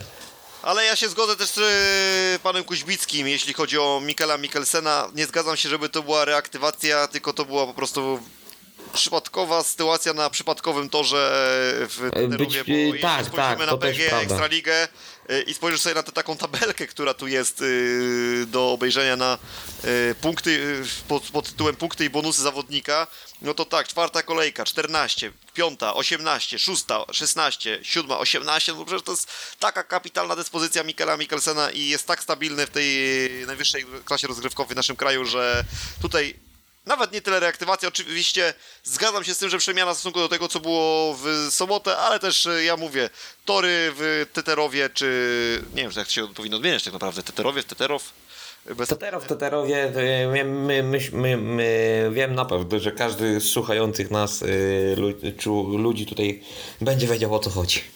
Oczywiście, że będzie wiedział o co chodzi, tylko po prostu sam chciałem sobie jakiś re, reżim językowy przez chwilę E, aha, i- zro, i nie udało mi się, bo nie jestem przekonany, jak się powinno to odmieniać. Ale dobra, mniejsza z tym. Yy, Chodzi mi tylko o to, że faktycznie te tory w Teterow i w Pradze były jakie były i być może to też była przyczyna, że Mikel tam się sprawował jak się sprawował, a tory jakie są w PG Ekstralidze, każdy wie, one są na ogół równe, płaskie jak stół i, i, i to powoduje, że yy, no Mikel wtedy na tych nawierzchniach fantastycznie się odnajduje, jeździ po prostu błyskotliwie, cudownie i nie wiem jakich tu jeszcze słów użyć. Ja już tylko chciałem, miałem jeszcze jeden wątek tutaj, z- gdzieś tutaj miałem zapisany, który chciałem na temat y, toru. A wiem jaki na temat toru chciałem powiedzieć. Bo w zeszłym roku też były w ogóle tutaj w Lublinie też takie y, w zeszłych latach generalnie problemy z tymi tutaj y, takimi tymi hopkami, szczególnie na drugim łuku. Mm, Teraz Teraz wydaje mi się, że było chyba wszystko ok. Nie było chyba takich tutaj dużych, prawda? Y, Nie, nie, tutaj jeżeli chodzi, jeżeli chodzi o, o, yy, o te chopki słynne, o których tutaj mówisz na tym drugim łuku, szczególnie na drugim łuku w Lublinie, to, to myślę, że tutaj yy, jeżeli chodzi o ten mecz, to, to wszystko było ok. I przede wszystkim ja powiem, że to był taki pojedynek troszeczkę korespondencyjny Mikkel Mikkelsen kontra Maciej Janowski, bo tutaj oni obaj po jednej i po drugiej stronie barykady byli zdecydowanie najlepsi. No Maciek Janowski, jeśli miał gubić punkty, no to gubił je właśnie z y, Mikkelem Mikkelsenem, no bo z kimże innym miałby te punkty gubić. Maciek Magic akurat w Ekstralidze znowu jest na tym swoim najwyższym, topowym, wspaniałym poziomie i fajnie się takiego Maćka powiem szczerze ogląda, bo Maciek w formie naprawdę jest niesamowicie widowiskowym zawodnikiem, ale to też no dużo, dużo było dyskusji na temat jazdy Maćka pod tym kątem, że bardzo często właśnie przegrywał te starty i później dzięki temu było dużo emocji na trasie i, i później często, często się niektórzy mogli śmiać, że no, może to i dobrze, jak ten Maciek gdzieś tam te starty przegrywał, bo, bo wtedy można było się poekscytować tym, co się działo w terenie. Mm, Powiedz mi, czy Brytyjczycy cię troszkę nie zawiedli w tym wykonaniu? 17 punktów we dwóch, 12 biegów? Nie troszkę mało? Mm, Średnia nawet nie półtora punktu, tak? Jeżeli chodzi, porównamy biegi e, do punktów Nie, e, no dokładnie półtora. Dokładnie półtora. Mm, Bo bonusik no miał tam, nie 17, był, wiesz? tak, bo, bo, tak, bo, bo tak, tak, tak. Jeżeli chodzi o bonusy, to tak, to dokładnie półtora. No to, ale mimo wszystko to jest y, y, przy braku Taja Findena, no to tutaj mm, ten margines błędu, czy to jest. Te Artema Łaguty. Przy, tak, oczywiście. W przypadku braku Artema Łaguty ten y, margines błędu, czy to y, u Taja Findena, czy Daniela Biulego, czy Gleba Czugunowa jest tutaj y, minimalny. No tutaj y, Maciej Janowski 17 w 7 z bonusikiem, oczywiście. Mm, No tutaj nie ma, nie, nie można e, powiedzieć chyba czegoś złego, bo przegrał po prostu z Mikelem Mikkelsenem niełapalnym tego dnia. Mm, ale tak poza tym to tak. To tylko jedna trójka jeszcze poza Maćkiem Janowskim e, u zawodników Better Sparty i tą trójkę e, zrobił Taiwu Finden, a, y, a, a cały i Daniel Biuri 8 punktów z bonusem w 6 biegach i Gleb Czugunow też, tak? 4 punkty w 5. No tutaj e, tu jest Spartak, szwajcarski zer. Da- Damian mi się chce trochę śmiać, bo jak tu robić te trójki, jak Mikkel Mikkelsen i Maciej Janowski sami 10 zrobili. No tak, tutaj też y, to też prawda, ale przede wszystkim wiesz czego brakowało w Better Sparcie? Dwójek z bonusami, bo takich dwójek z bonusami y, Motor Lublin miał aż trzy, y, aby Better Sparta Wrocław ani jednego biegu e, w stosunku e, 5 do 1 No celna uwaga, wygrali. celna uwaga. Na pewno to Tak, jest celna to uwaga, zga, zgadza się. Tego brakowało po stronie... Zresztą chciałbym Ci powiedzieć, Wiktorze, jeszcze, że Ci wejdę na chwilę w słówko, że pierwszy bieg drużynowo wygrany przez parę, y, przez y, Betar Spartę Wrocław, to był bieg dziewiąty, y, w którym właśnie Taiwu Finden z Danielem Biulejem wygrali 4-2 z Dominikiem Kuberą i Jarosławem Hampelem i wtedy tylko na dwa punkty do, do tej beta, do Motor Lublin doczłapali. Czyli no, mocni ale- jednak. W jednym biegu. w jednym biegu. ale- Tak, ale no w dwóch, y, jeżeli chodzi o do, przy trzech zwycięstwach 5-1 Motor Lublin, to Petard Sparta odpowiedziała tylko dwoma zwycięstwami w stosunku 4-2 w całym meczu. Yy, I jednym y, w jednym i w sumie oby, w obydwu tych biegach jechał Daniel Biuli, więc można tutaj troszkę delikatnie Daniela Biulego rozgrzeszyć. No nie, y, tutaj Sparta ma mocny problem i myślę, że tutaj już yy, coś, co wydawało się przed tym sezonem i przed tym, jak to się wszystko potoczy nierealne, no to jednak y, myślę, że trzeba powiedzieć, że Betard Sparta Wrocław nie jest już murowanym kandydatem do finału Ekstraligi. Ale wiesz co, no słuchaj, zdobyli 40 punktów w Lublinie, to też e, ja bym tutaj e, jakoś może tak. mocno nie dramatyzował, bo to jednak jest tak ciężki wyjazd, e, w którym ja przypomnę, no Grudziądz to pominimy 33 punkty, Leszno 32, no to tak wiesz, ja rozumiem, że tam tutaj Częstochowianie 43 i tutaj bardzo, bardzo dobrze powalczyli, ale, ale też nie jest jakiś wynik, który byłby jakiś tragiczny. No, oczywiście ciężko będzie odrobić 10 punktów we Wrocławiu. Rzekłbym, że to jest no, raczej bardzo, bardzo mało prawdopodobne, że się. No to wszyscy z czwórki tej e, zawodników seniorskiej e, Sparty Wrocław muszą po prostu pojechać e, bez, bez praktycznie żadnych wpadek, tak? No tak, tak. Ja nie ukrywam, że mam ich trochę e, w, w swoim składzie w, PG, w, te, w tej aplikacji PG Ekstraligi w tym menadżerze i ja nie ukrywam, że będę trzymał za nich kciuki, żeby pojechali dobrze. A to ja mam właśnie na odwrót, bo ja mam e, aż czterech zawodników motoru Lubin w tej kolejce mnie reprezentowało, więc Znaczy ja mam to, ja mam to do siebie, że ja mam jednego zawodnika z Częstochowy i... No, a reszta to, to jest u mnie Lublin i Wrocław. A, jeszcze Chris Holder w tym, a sześciu to Lublin Wrocław, więc... aha, no no no no no, Więc ja to też nie, to mnie czterech. mocno... Więc ja też jestem mocno napakowany tymi dwoma zespołami. Aha, u mnie czterech z Lublina, y, jeden w sumie z Wrocławia, jeden z Gorzowa, yy, bodajże, tak, jeden z Torunia też y, i, jed, i dwóch zawodników z Leszna, jeżeli dobrze kojarzę. Tak teraz na szybko. Słuchaj, tak się zastanawiam tutaj nad, yy, nad tymi tutaj zawodami, które dzisiaj, mi- które były właśnie w Lublinie i tak sobie myślę, czy też czasami tym Mateusz Cierniak gdzieś, yy, czy byś go nie wstawił w którymś momencie za Maksyma Drabika. Y, No tutaj szczególnie y, po tych dwóch pierwszych biegach Maksyma, tak? Wykluczenie i zero. E, Ja cof, cofam się z tych słów, bo przecież e, Maksym Drabik jechał w 12 wyścigu Mateuszem Cierniakiem, więc za bardzo nie było okazji, a w związku z tym, że Maksym Drabik wygrał ten bieg, to w sumie już nie było za bardzo... Y, Tak, tylko że Maksym Drabik to było jedyne zwycięstwo Maksyma Drabika w tym, e, w tym meczu. Y, No i teraz y, Tak, tak, tylko chodzi, tylko chodzi mi o to, że gdybyś chciał zmienić Maksyma Drabika, no to po tych dwóch jedynkach z bonusami, tak? Wtedy był chyba najlepszy moment. Mhm. Nie, ja myślałem właśnie bardziej po tym. Yy, Po trójce? drugim. Nie, po drugim jego wyścigu. W momencie, kiedy miał wykluczenie i zero. Yy, wykluczenie, yy, oczywiście tutaj był upadek, tak? Maksyma Drabika. Ale też z tyłu stawki. Nie, tak, też z tyłu stawki, właśnie, też z tyłu stawki, więc to się układało na 0-0, więc ja już bym wtedy ewentualnie Mateusza Cierniaka czy Wiktora Lamparta e, być może wpuścił. Yy, No ale wiesz, ale Cierniak, e, sorry, że ci wchodzę słowo po raz drugi, e, no tylko, tylko co, no Wiktor Lampard był po zerze, a No właśnie. Mateusz Cierniak był tylko po meczu, po biegu juniorskim. więc- Młodzieżowym, tak, to też prawda, to też jest Tutaj chyba prawda. to było może za szybko. Ja tutaj bardziej wiesz, bym w którym kierunku może pomyślał pójść, czy nie spróbować ewentualnie Dominika Kubery tu wstawić e, w miejsce. e, Za to było pewne, pewnego rodzaju ryzyko, prawda? W miejsce Maksyma Drabika. Można było w ten sposób spróbować, szczególnie, że Domin miał dobry początek meczu. No i wtedy E, by Tak, to też jest prawda, to też jest prawda. Tutaj można było to, można tak, tylko że wtedy e, Fraser Bowes, tak? Mm, No ale nie, bo to można było w sumie... Nie, wtedy Mateusz też. lub Wiktor Lampard, Tak, który, który tak, z nich lepiej tak, by tak, tak, tak, Frasera Bowesa mogliby jechać, oczywiście, oczywiście. Yy, czy byłoby ryzyko? No patrząc Było, w przebiegu... byłoby ryzyko, bo wtedy byś musiał w 14 wyścigu puścić juniora na, na tory.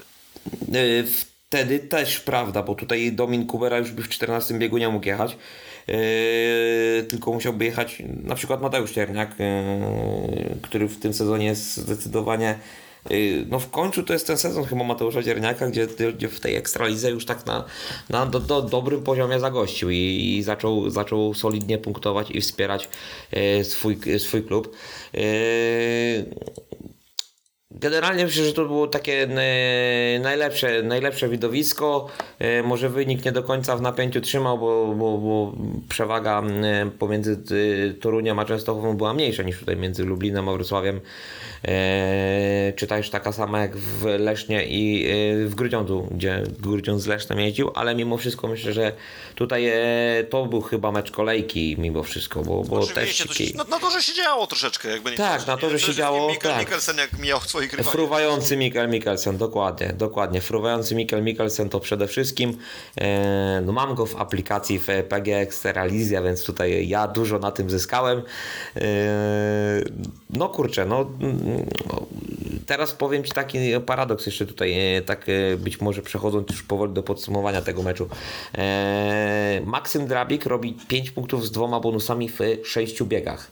I teraz porównajmy sobie tak, pierwsze trzy mecze Maksym Drabik na torze w Lublinie w pierwszych trzech meczach robi tak. W meczu z Częstochową robi punktów 16 w 6 biegach. E, W meczu z e, Grudziądzem robi tych punktów e, 16 z bonusem e, w 6 biegach. E, A w meczu z e, Unią Leszno Maksym Drabik e, robi e, dokładnie mm, punktów 12 z dwoma bonusami w 6 biegach. E, Tutaj e, nie notując przy tym ani jednego zera e, u siebie na torze. I teraz paradoks polega na tym, że pierwsze trzy mecze Motor Lublin jeździł na torze, który był przygotowany przez komisarza, bo był, yy, być, były te mecze mocno zagrożone.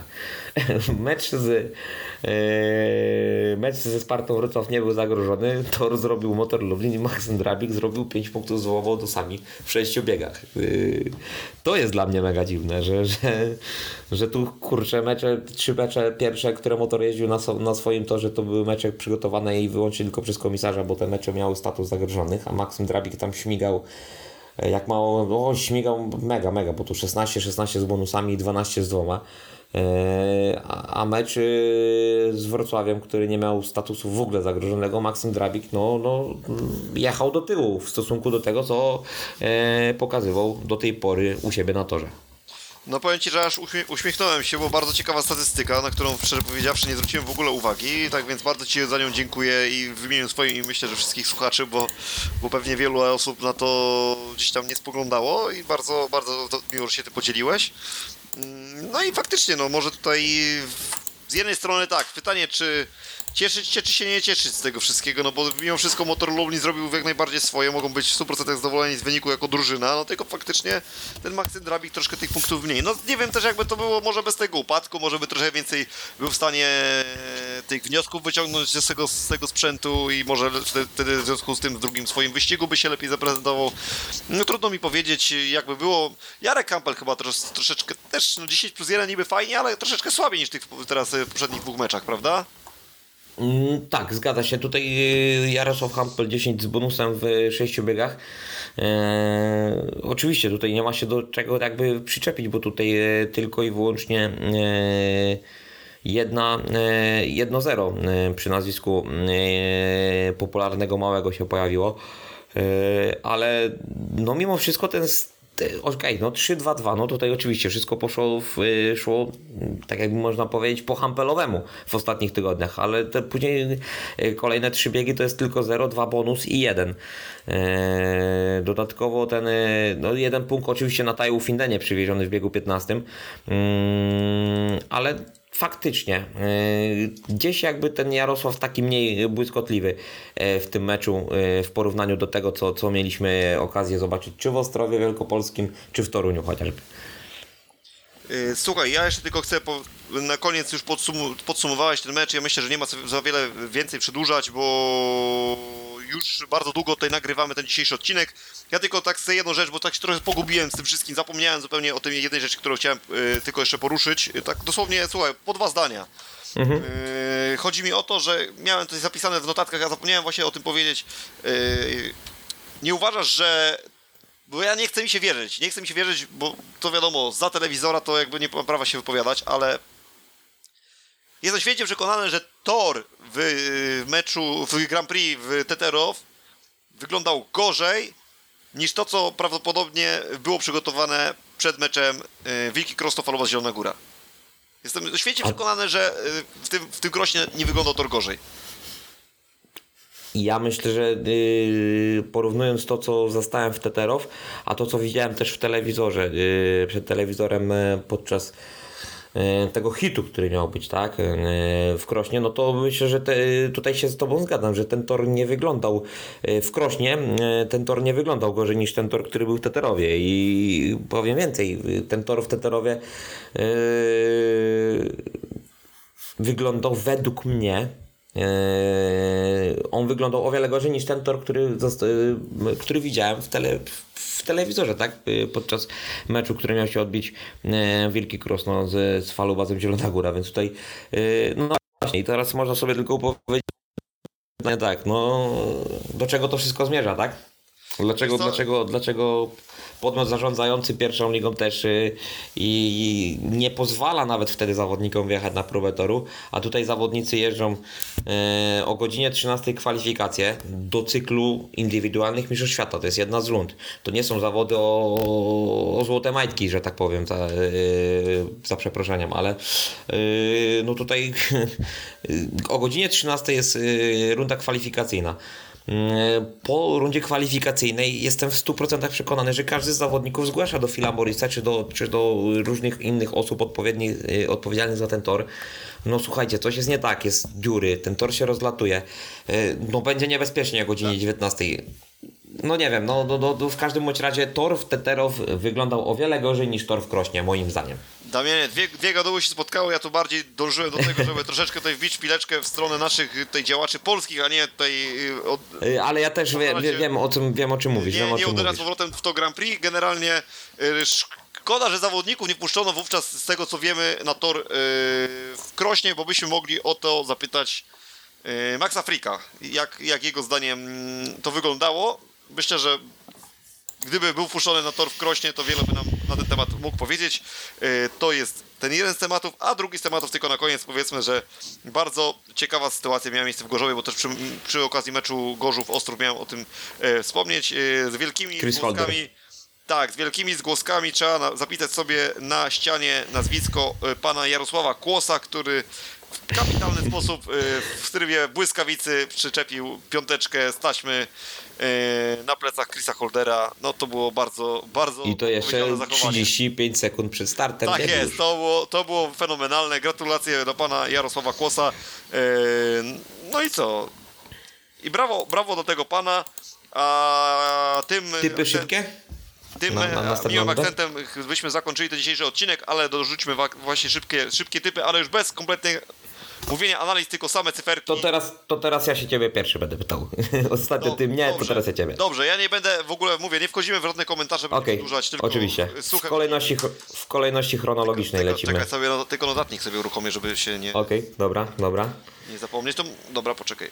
e, Leszno Grudziąc, e, Leszno Grudziąc moim zdaniem to będzie 54-36 dla e, byków.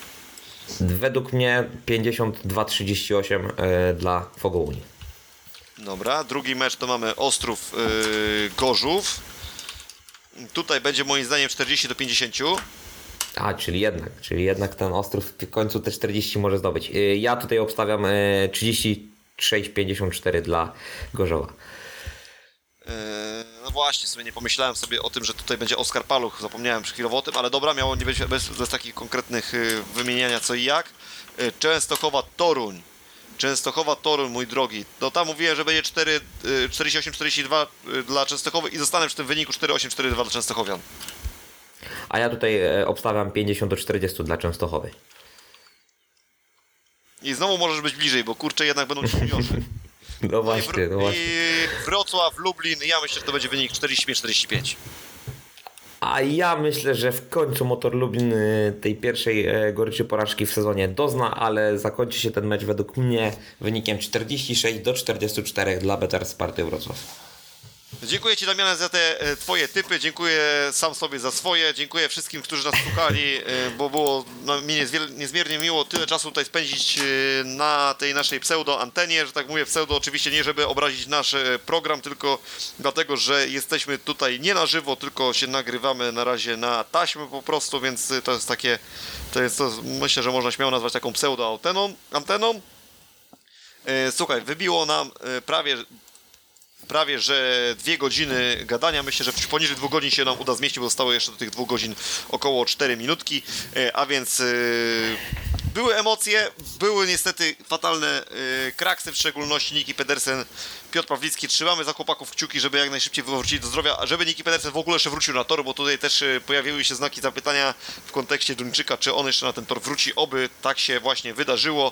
A więc dziękujemy e, wszystkim, którzy nas słuchali. Oczywiście zachęcamy do pozostawienia subskrypcji, czy też, e, ja nie wiem jak to się nazywa tutaj na Spotify, subskrypcja, czy, czy obserwowanie kanału, jakkolwiek by to się nazywało, to tam jest taki guziczek w studio Eleven Sports podczas magazynu PG Ekstraligi mają brzęczka, my mamy tutaj e, klawisz, proszę w ten klawisz nadusić i będzie z nami na bieżąco, oczywiście taki podobny klawisz y, z, takim kciukiem uniesionym do góry jest na Facebooku pod naszym profilem Żużle po oczach. Dziękujemy bardzo, Damian był dzisiaj moim y, gościem, tak jak zwykle. Dziękuję Ci Damianie. Dziękuję ślicznie wszystkim, dziękuję Tobie również Wiktor i myślę, że y, już pora późna y, w ten wtorkowy wieczór, więc y, no dobranoc przede wszystkim. Daj Boże, żebyście mieli nasz podcast do odsłuchania już w środę, ewentualnie w najgorszym wypadku w czwartek rano. To było tyle z, z tej strony Wiktor, dziękuję bardzo za dzisiaj i do usłyszenia w przyszłym tygodniu. Dzięki, cześć.